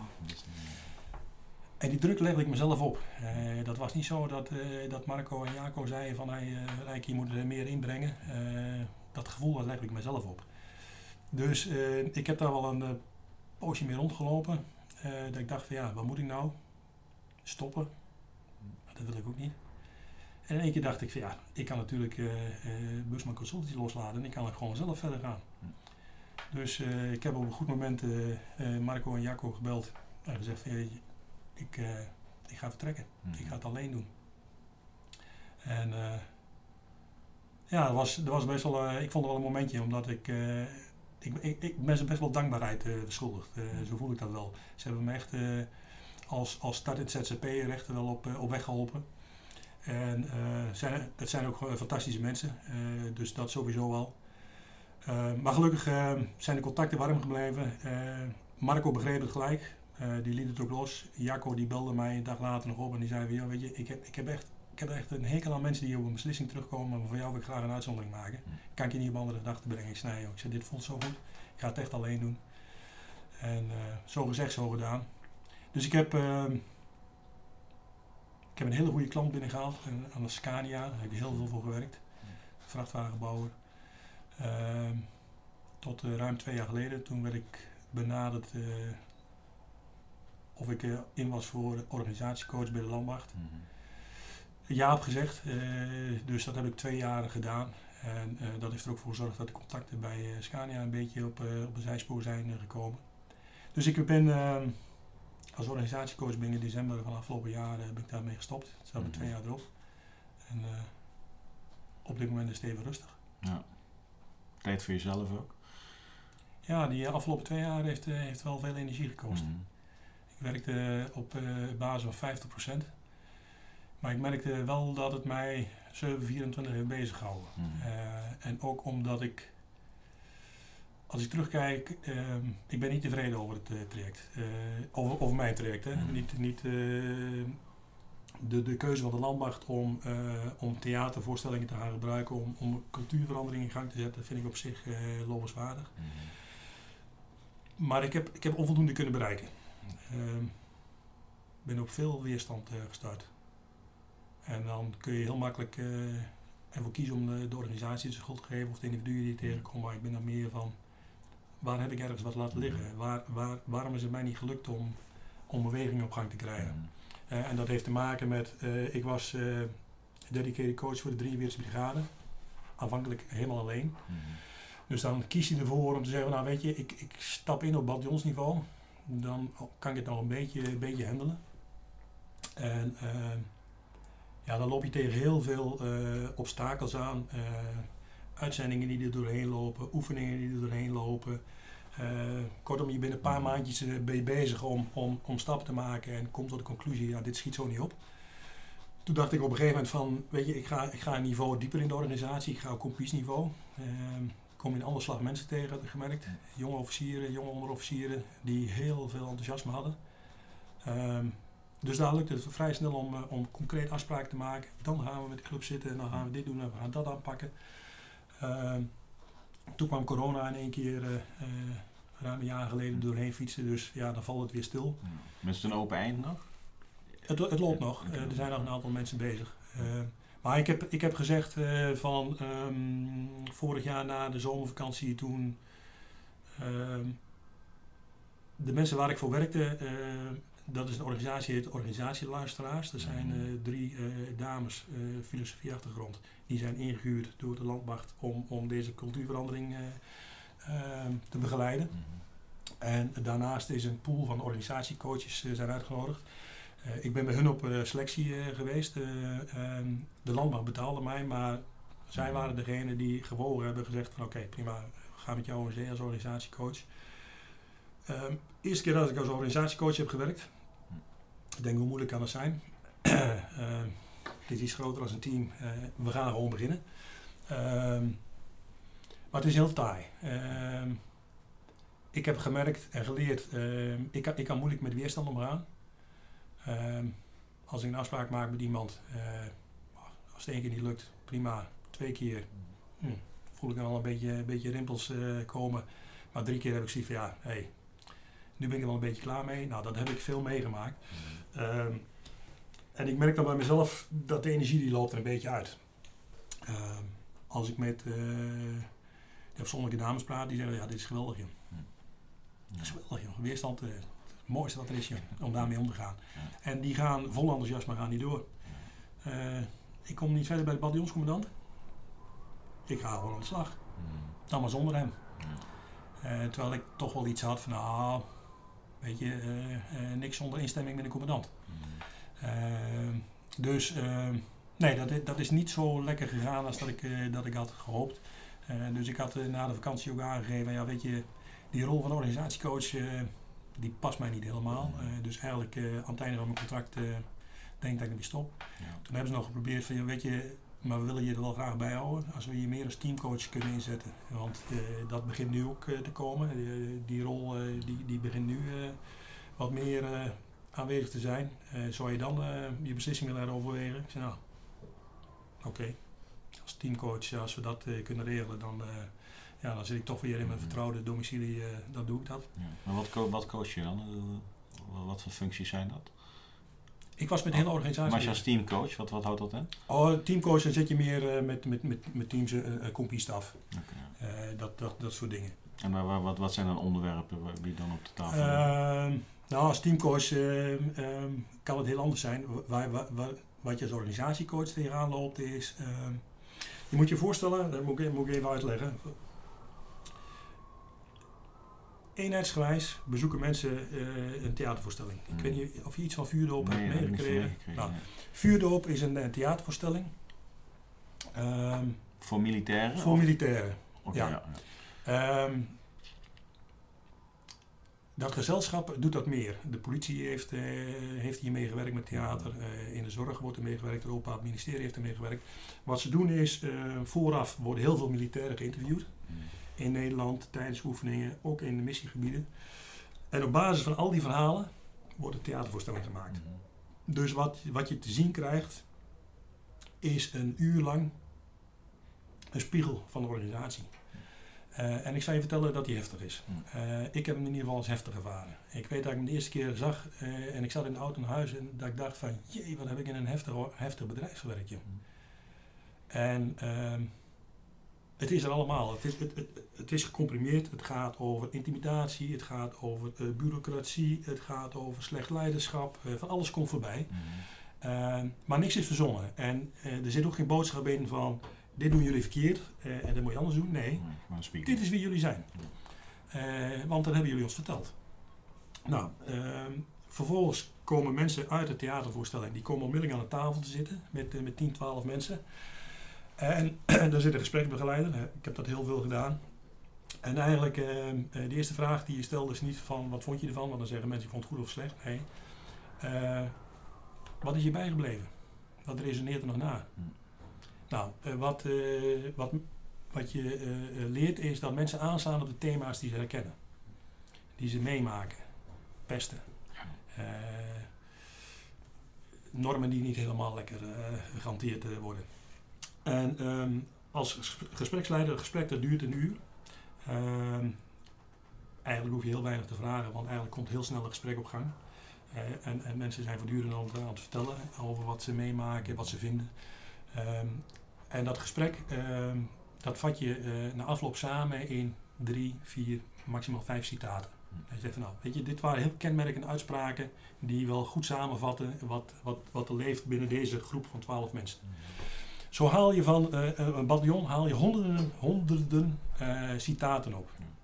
En die verwerken, uh, verwerken wij in een meervoudig identiteitenmodel. Ehm, jij hebt en ik, wij hebben meerdere identiteiten. Mm ik, ik, ik, ben, ik ben trainer-coach, maar ik ben ook vader van. Uh, ik ben buurman van. Het zijn allemaal verschillende petten die ik op heb. En als je een beetje slim bent, dan zorg je ervoor dat die identiteiten niet al te ver van elkaar af liggen. Uh, want als ik mij in mijn werkcontext totaal anders gedrag als thuis, dan moet je hopen dat je collega's en je vrouw nooit met elkaar in gesprek komen. Want dan, ja, dan, dan hebben ze heel veel vraagtekens waarschijnlijk. Nou, zo heeft een organisatie heeft ook meerdere identiteiten. Je hebt de werkelijke identiteit, uh, rij een zenden op. Uh, het is wat je ziet, de gebouwen, de mensen. Je hebt een ervaren identiteit, dat is wat mensen ervaren. Een gewenste identiteit. In geval van de krijgsmacht zou je kunnen zeggen wat de BV Nederland graag ziet. dat wij een afspiegeling zijn van de samenleving. Je kunt er alles bij bedenken. Een gecommerceerde identiteit, dat is wat militairen delen op, op social media. En een ideale identiteit. Nou, al die citaten, uh, en dat is, uh, dat is een beetje vingerspitsgevoel. Uh, je leest zo'n citaat en denk je, oké, okay, dit gaat over de werkelijke identiteit, dit gaat over de ware identiteit. Nou, en zo werk je, werk je al die citaten uit. En dan heb je op een gegeven moment, in die vijf kolommen, heb je een hele hoop citaten. En ja, dan, dan, dan breekt de periode aan, dat noemden wij mijmeren. Dan lees je dat. Ehm, en ik deed dat voor een bataljon, maar naast mij iemand voor hetzelfde bataljon en, en soms nog een derde erbij, mm. los van elkaar. En dan krijg je een bepaald gevoel. Nou, je zegt van nou, hmm, ik heb het gevoel dat er iets met, met, met normering is. Ik, ik, ik, ik, kan het niet precies vastpakken, maar dat, dat is wat elke keer bij me opkomt. Um, en dat check je met je collega's. Nou, het, het, wonderbaarlijke is dat je, dat je uh, voortdurend grotendeels in dezelfde lijn zit. Ja, ja. Je ziet dezelfde dingen terugkomen. En die koppelen we dan terug met, met de commandant. Nou, jouw eenheid is nu voor 80% geweest, dus we hebben al uh, de vrijheid genomen om een analyse te maken. Mm. Dit is wat wij zien. Uh, wij, wij, zien wij zien iets op het gebied van, van, van, van normering. He, ik, ik kan niet zeggen dat jouw eenheid normloos is, maar mensen zijn wel zoekende. Herken je dat? En het grootste deel van de commandanten die zeggen, ja, ik, ik snap niet hoe jullie dit, uh, dit uithalen, maar dit is wel waar ik, uh, waar ik mee de deal heb, ja. Uh, dit is waar we tegenaan lopen. en dan, dan komt er natuurlijk een moeilijk stuk. en daar ging het ook best wel een beetje lastig. militairen zijn heel slagvaardig. Hè? Dan zit je met, met een bataljonscommandant en die zegt, ja, prima, hier gaan we wat mee doen. Agenda erbij, heb je, wat heb je nodig? Een, een, een dag of een dagdeel? Ik zeg, nou, het worden er wel meerdere. En daar merkte ik al iets in energie van. Meerdere. Ik wil wat doen. Uh, ik wil wel een dag dan besteden, maar dan wil ik het afgevinkt hebben en dan uh, gaan we weer verder. Uh, en dan zei ik van ja, weet je, normering, dat ligt best wel lastig. Daar moet je over, met mensen in gesprek gaan. als het simpel was, dan zou je zeggen van schrijf even de norm op waar iedereen aan moet voldoen. Dan kom je bij de gedragsregels uit. Hier, hier heb je ze. Ja. Leer ze uit je hoofd en dan klopt het. Maar we weten in de praktijk dat het niet werkt. Dus je moet met mensen in gesprek gaan. Uh, als je het over pesten wil hebben, uh, dan zegt één, ah, het moet kunnen, een geintje. Hè, ontgroenen, moet kunnen. Maar waar, waar houdt het geintje op en begint het toch wel erg vervelend te worden? Uh, daarover moet je in gesprek gaan. En dat zijn gesprekken die ook terug moeten komen. die, die misschien wel een jaar of langer als een rode draad moeten lopen. Waar je zegt, van, ja, we, blijven bezig met dit thema, we blijven dat voeden. In de hoop dat je bij mensen iets bereikt van ja, eigenlijk vond ik dat, dat de pest eigenlijk best wel leuk was. Maar nu we het er een paar keer over hebben gehad, is het ook wel een keerzij dan. Eigenlijk, eigenlijk moeten we er misschien wel mee stoppen. Eigenlijk draagt het ook nergens toe bij. Nou ja, en die tijd, uh, in, in, in een periode van dat toch het bedrijf doorgaat. In een periode van dat je met een bataljonscommandant zit te praten. Die zegt, ja luister Rijk, ik heb 40% vacatures in mijn bataljon. Ik heb heel, heel veel prioriteiten, maar dit is er niet één van. Ja dan, dan, dan wordt het best wel lastig. En wat je ook leert is dat, uh, dat was nog een keer een bevestiging, cultuur verander je niet zo makkelijk hoor.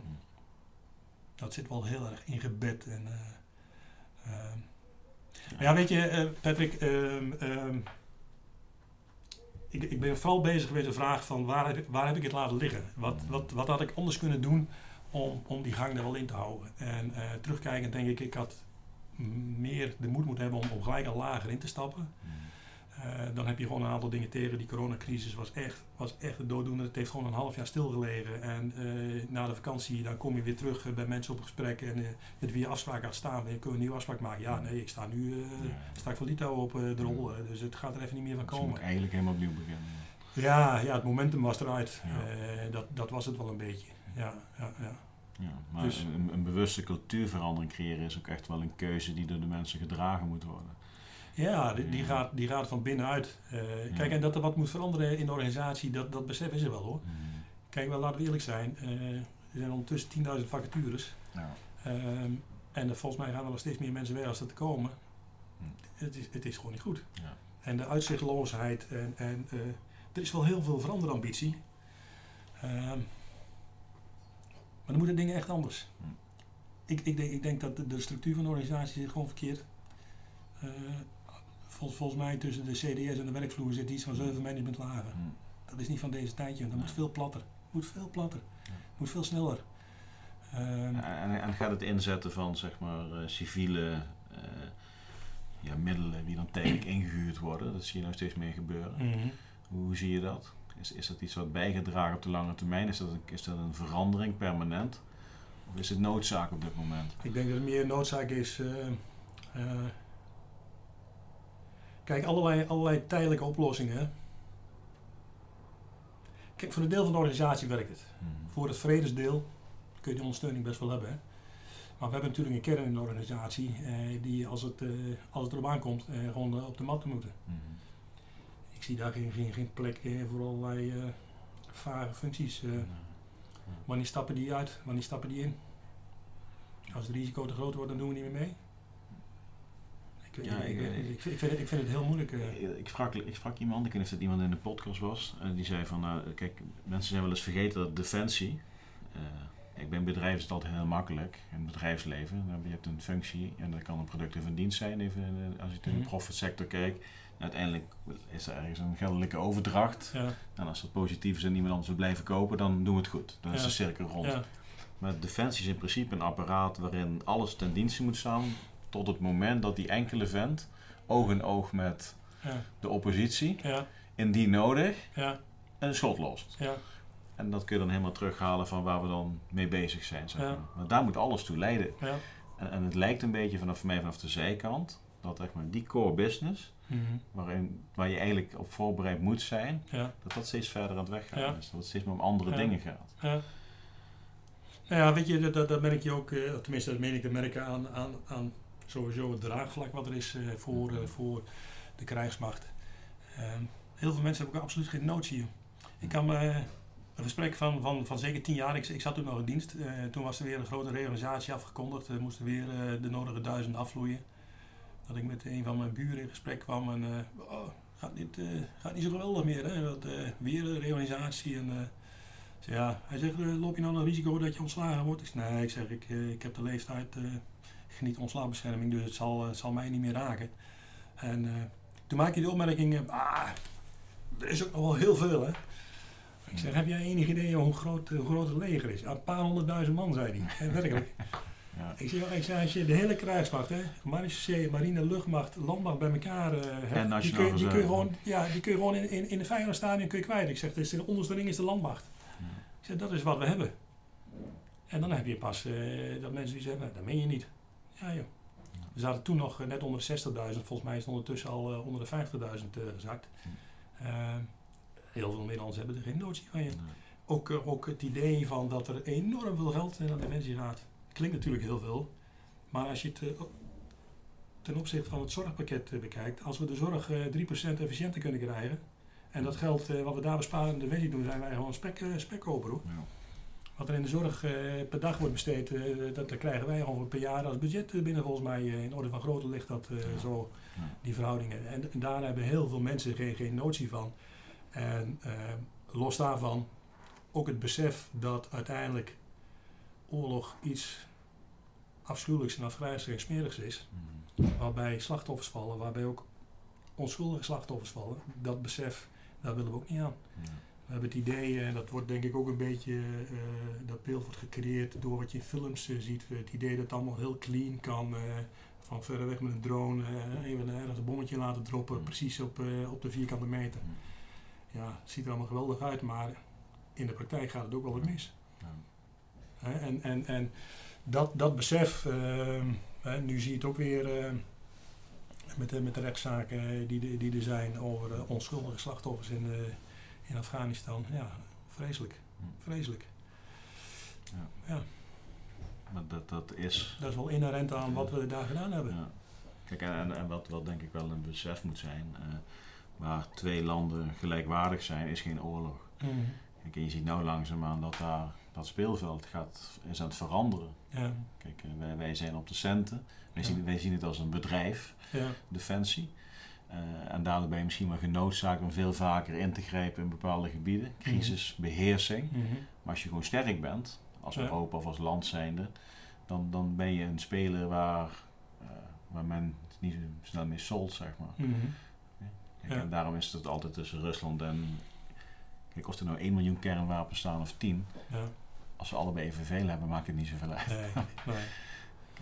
En, Nee. Nee, dus eh, de wereld is complex wat, Ja. dat, eh, wat dat betreft. Zou je een keer een boek willen schrijven, Rijk? Ja, ik heb wel eens met die gedachten gespeeld. Sterker nog, ik had hem op een gegeven moment in mijn hoofd. Hm. eh, totdat Adriaan Hogendijk, ook een bekend eh, auteur, Mhm. managementauteur, een boek schreef waarvan ik dacht van... Ja, dit is het boek wat ik had willen schrijven. Ja.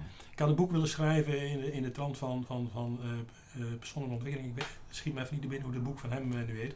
Maar ik dacht, weet je, ik, ik, ik ga gewoon een heel eerlijk boek schrijven. Eh, en ik, ik, ik, als een, als een soort rode draad neem ik mijn eigen ontwikkeling. Waar, waar ik tegenaan ben gelopen en hoe ik daarmee gedeeld heb. En, en nou ja, eigenlijk een beetje op, op, op die manier. Eh, maar het bleek, eh, bleek geschreven te zijn. Eh, dus ik weet niet of het energetisch zo werkte dat hij mijn gedachtenwolk ergens heeft opgepakt. eh. Of misschien heb ik, heb ik Ja. iets gelezen van hem dat hij ermee bezig was. eh, Ja. Dat ik op die manier onbewust heb opgepakt. Nee, ik heb op dit moment eh, niet iets waarvan ik denk van ehm, een boek van mij zou iets toevoegen. Eh, het gaat ergens over wat ik nog niet gedaan heb. En, en het boek schrijven onder de mond van ja, eigenlijk een beetje trainer, coach eh, die actief is, moet op zijn minst een boek op zijn naam hebben. Dat, nou, dat vind ik een beetje te, te makkelijk. Mhm. Nee, dus eh, op dit moment eh, geen, concrete, geen concrete plannen. Denk, denk je dat je een boek gaat schrijven? Hoor? Dat zou ik me zo vragen. Ja, nee, ik denk het niet. Nee, Nee, nee op dit moment zeg ik nee. nee, nee. Dus je bent meer een consumerende. Ja, voorlopig kan ik mijn ei wel kwijt in de, in, in, in de columns die ik schrijf. ja. Ja, En dat, is ook een, en dat is ook een digitale bundeling ja ik, zeg, je zou ze allemaal aan elkaar kunnen plakken. Ik heb, ik heb ze wel eh, in, in, eh, in, eh, in een document bij elkaar geplakt. Eh, Ze Mhm. zijn gratis te downloaden, de columns die geschreven. Tenminste, in ieder geval die voor management site eh, Mhm. staan er allemaal in. Ik heb geen idee hoe ik eh, kan controleren of het inderdaad wel eens gedownload wordt, maar Nee, geen idee. nee. Nee. Nee. Wat ik, wat ik wel eh, af en toe doe is op management site, eh, ehm, per column loopt er een teller. Mhm. Eh, en ondanks het feit dat ik al een jaar of drie niet meer schrijf, zie ik dat het overgrote deel van mijn columns wordt nog steeds gelezen. En ik tik al bijna de, de miljoenen lezers aan. Dus ja. En dan denk ik, nou weet je, als er, als er maar een handjevol mensen tussen zou zitten die misschien op basis van wat ik geschreven heb eh, ergens een stapje in hebben gemaakt, Ja. dan zou mij dat al met grote tevredenheid Ja. geven. Ja. Ja. Maar ja, er zijn een hoop mensen, hè, dus dat is. eh, het zijn natuurlijk niet allemaal de verschillende mensen, maar Ja. merk je dat er interesse is in ehm, eh, zeg maar die koppeling ook vanuit Defensie? Jawel. Onderscheidt jou dat eh, da- daarin ook? Wat nou, wat je ik- heb het, ik heb het wel geprobeerd een beetje, een beetje, een beetje los te laten. Mhm. Ehm, ik weet dat ik op een gegeven moment voor een eh, verzekeraar een, een teambuildingsklus eh, deed. Ehm, waarbij ik met eh, de eindverantwoordelijke in gesprek kwam. En die zei, we gaan toch niet iets van hindernisbaan eh, dingen doen. Hoezo? Hè? Ik heb gelezen dat je een militaire achtergrond hebt. Zeg, tenzij dat jullie dat willen, dan kan ik dat misschien wel regelen. Eh, dus dan merk je ook wel dat er een bepaald vooroordeel zit en dat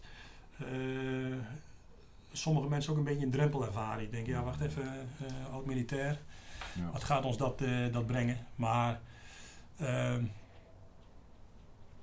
het, gesprek, het gesprek is meestal goed. Als ik, Ja. eh, als ik met een potentiële opdrachtgever aan tafel eh, zit, dan is mijn score is, eh, is bijna 100%. Eh, Ja. Dan haal ik de, de, de klussen wel binnen.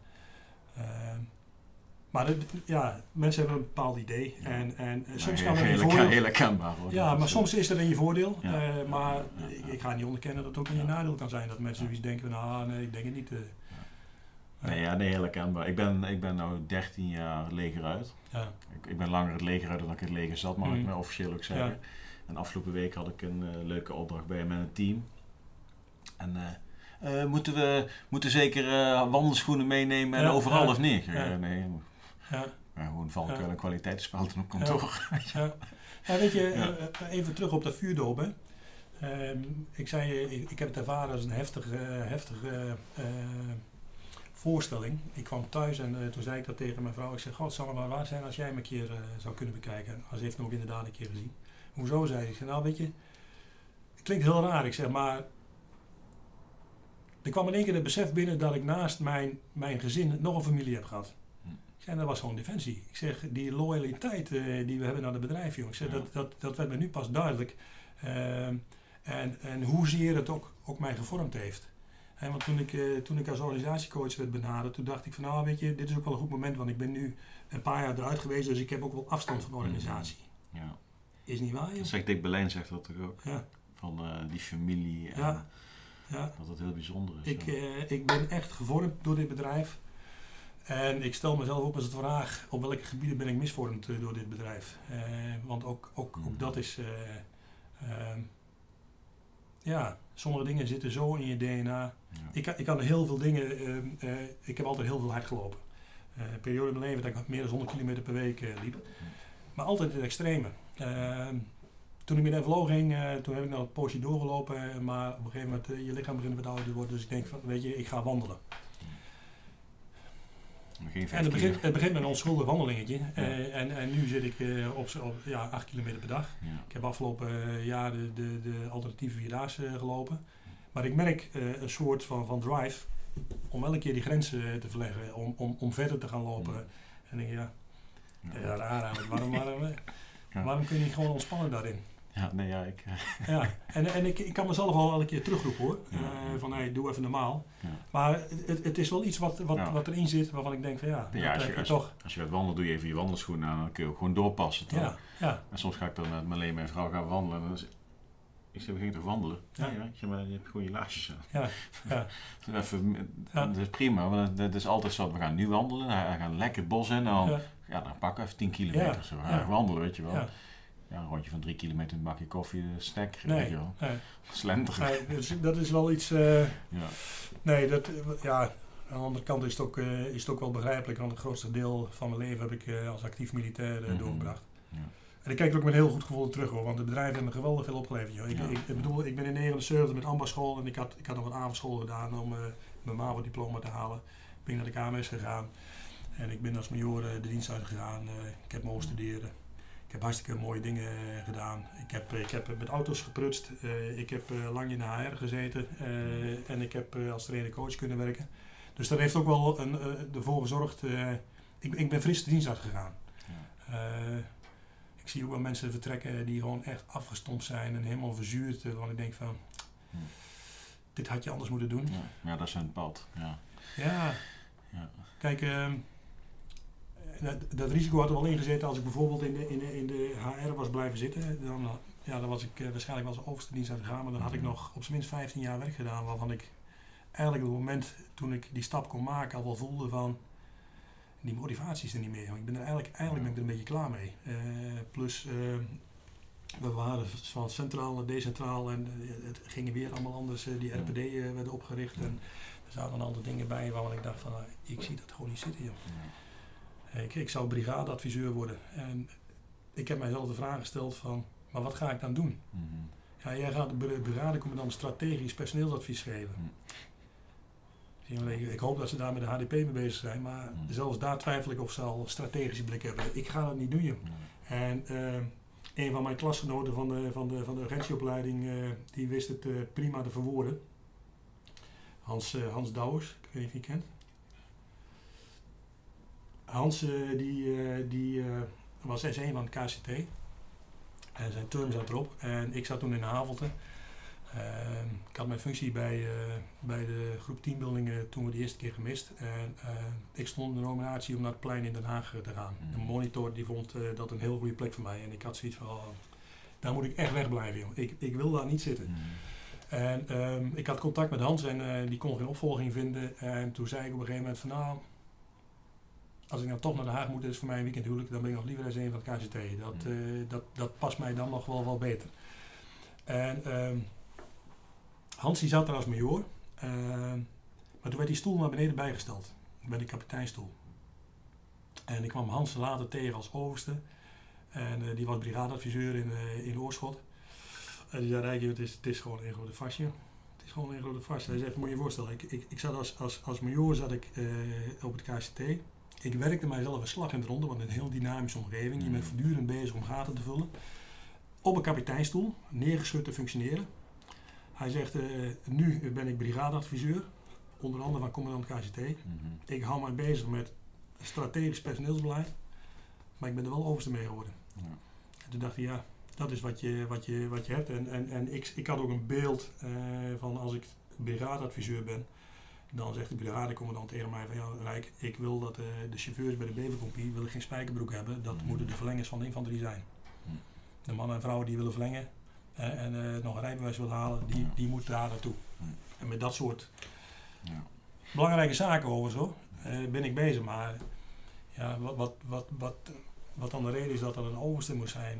Ik, ik, ik, ik zag niet, niet in dat ik daar echt iets heel wezenlijks zou kunnen doen. Ik dacht, nou ja, dat ga ik dan nog 15 jaar eh, van dat soort werk eh, doen. Het papier zitten verplaatsen. Ik wil dat niet. Dus ik ben, eh, ik ben de Wanneer, wanneer heb jij, heb jij Defensie verlaten? 6,5 jaar geleden. Dat is, eh, 2015. Ja. Ja, dat is even. Ja, 57 eh, was ik toen ik eruit ging. Ik ben nu 63, dus Ja. ja.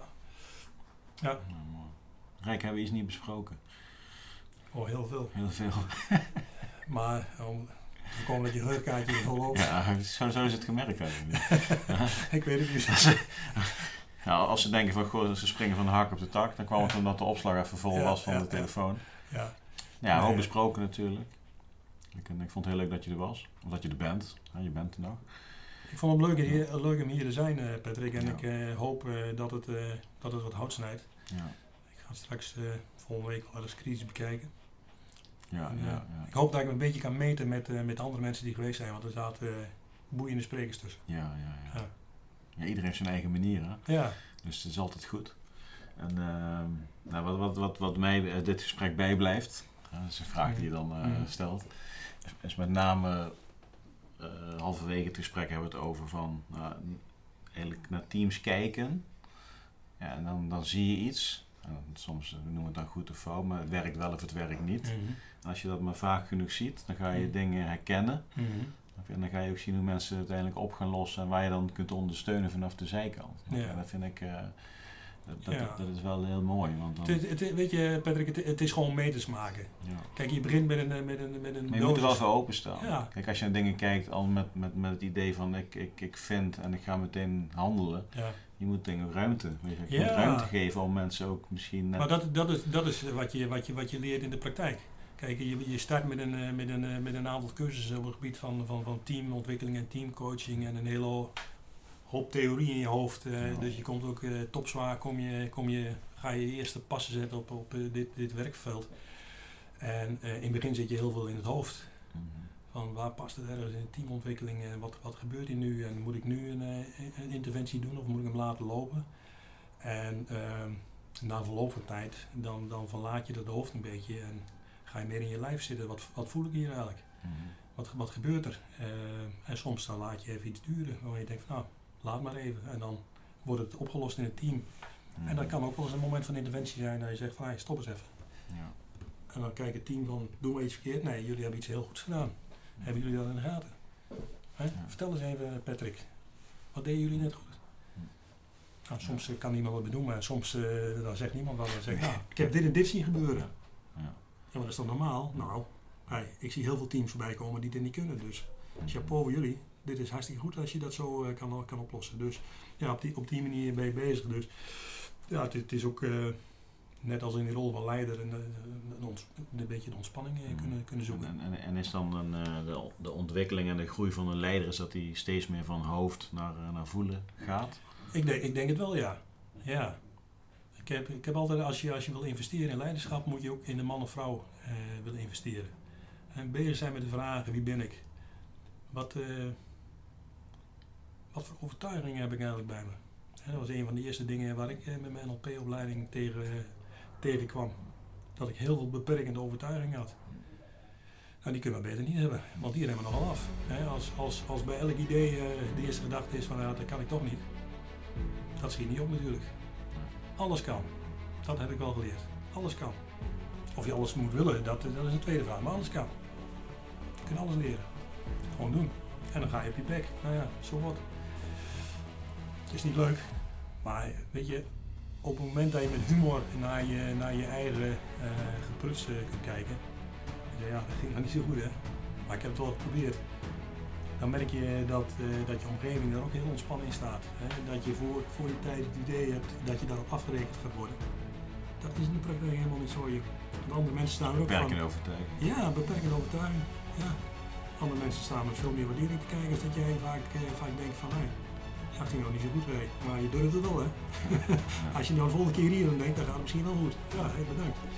Ja. Oké. En dan komt het gesprek met Rijk Binnenkamp alweer eh, ten einde. Ik wil jou bedanken als eh, luisteraar, ik wil jou bedanken als kijker. Uh, vond je het een leuk gesprek? Nou, deel dit dan met je netwerk, like het en abonneer je uiteraard ook op ons Six Star Leadership podcast kanaal. Dat kan op Spotify, dat kan op Apple Podcast. En uh, ben jij een kijker? Nou, doe dat dan op YouTube. En als je je op YouTube abonneert, dan maak jij ook tot 30 april 2021 kans op een weekendje weg of een weekendje bij uh, de camping van Raymond Berendonk, podcastgast 35 in Hogesmilde, camping de Reeënwissel. Dus uh, schrijf je in op het YouTube kanaal en je maakt automatisch kans. Ik wil uiteraard de Rijke Binnenkampen bedanken voor zijn komst naar Haarlem, helemaal vanuit Nijenveen. Voor het appeltaartje wat je hebt meegebracht. Sommige mensen nemen een boek mee. Ja, en uh, jij een, neemt een appeltaartje mee. En uh, dat was heerlijk om samen voor de podcast even een kopje koffie te drinken en een stukje appeltaart. En op die manier het gesprek in te rollen. Bedankt allemaal en ik sluit af met de woorden Patrick hier, einde bericht.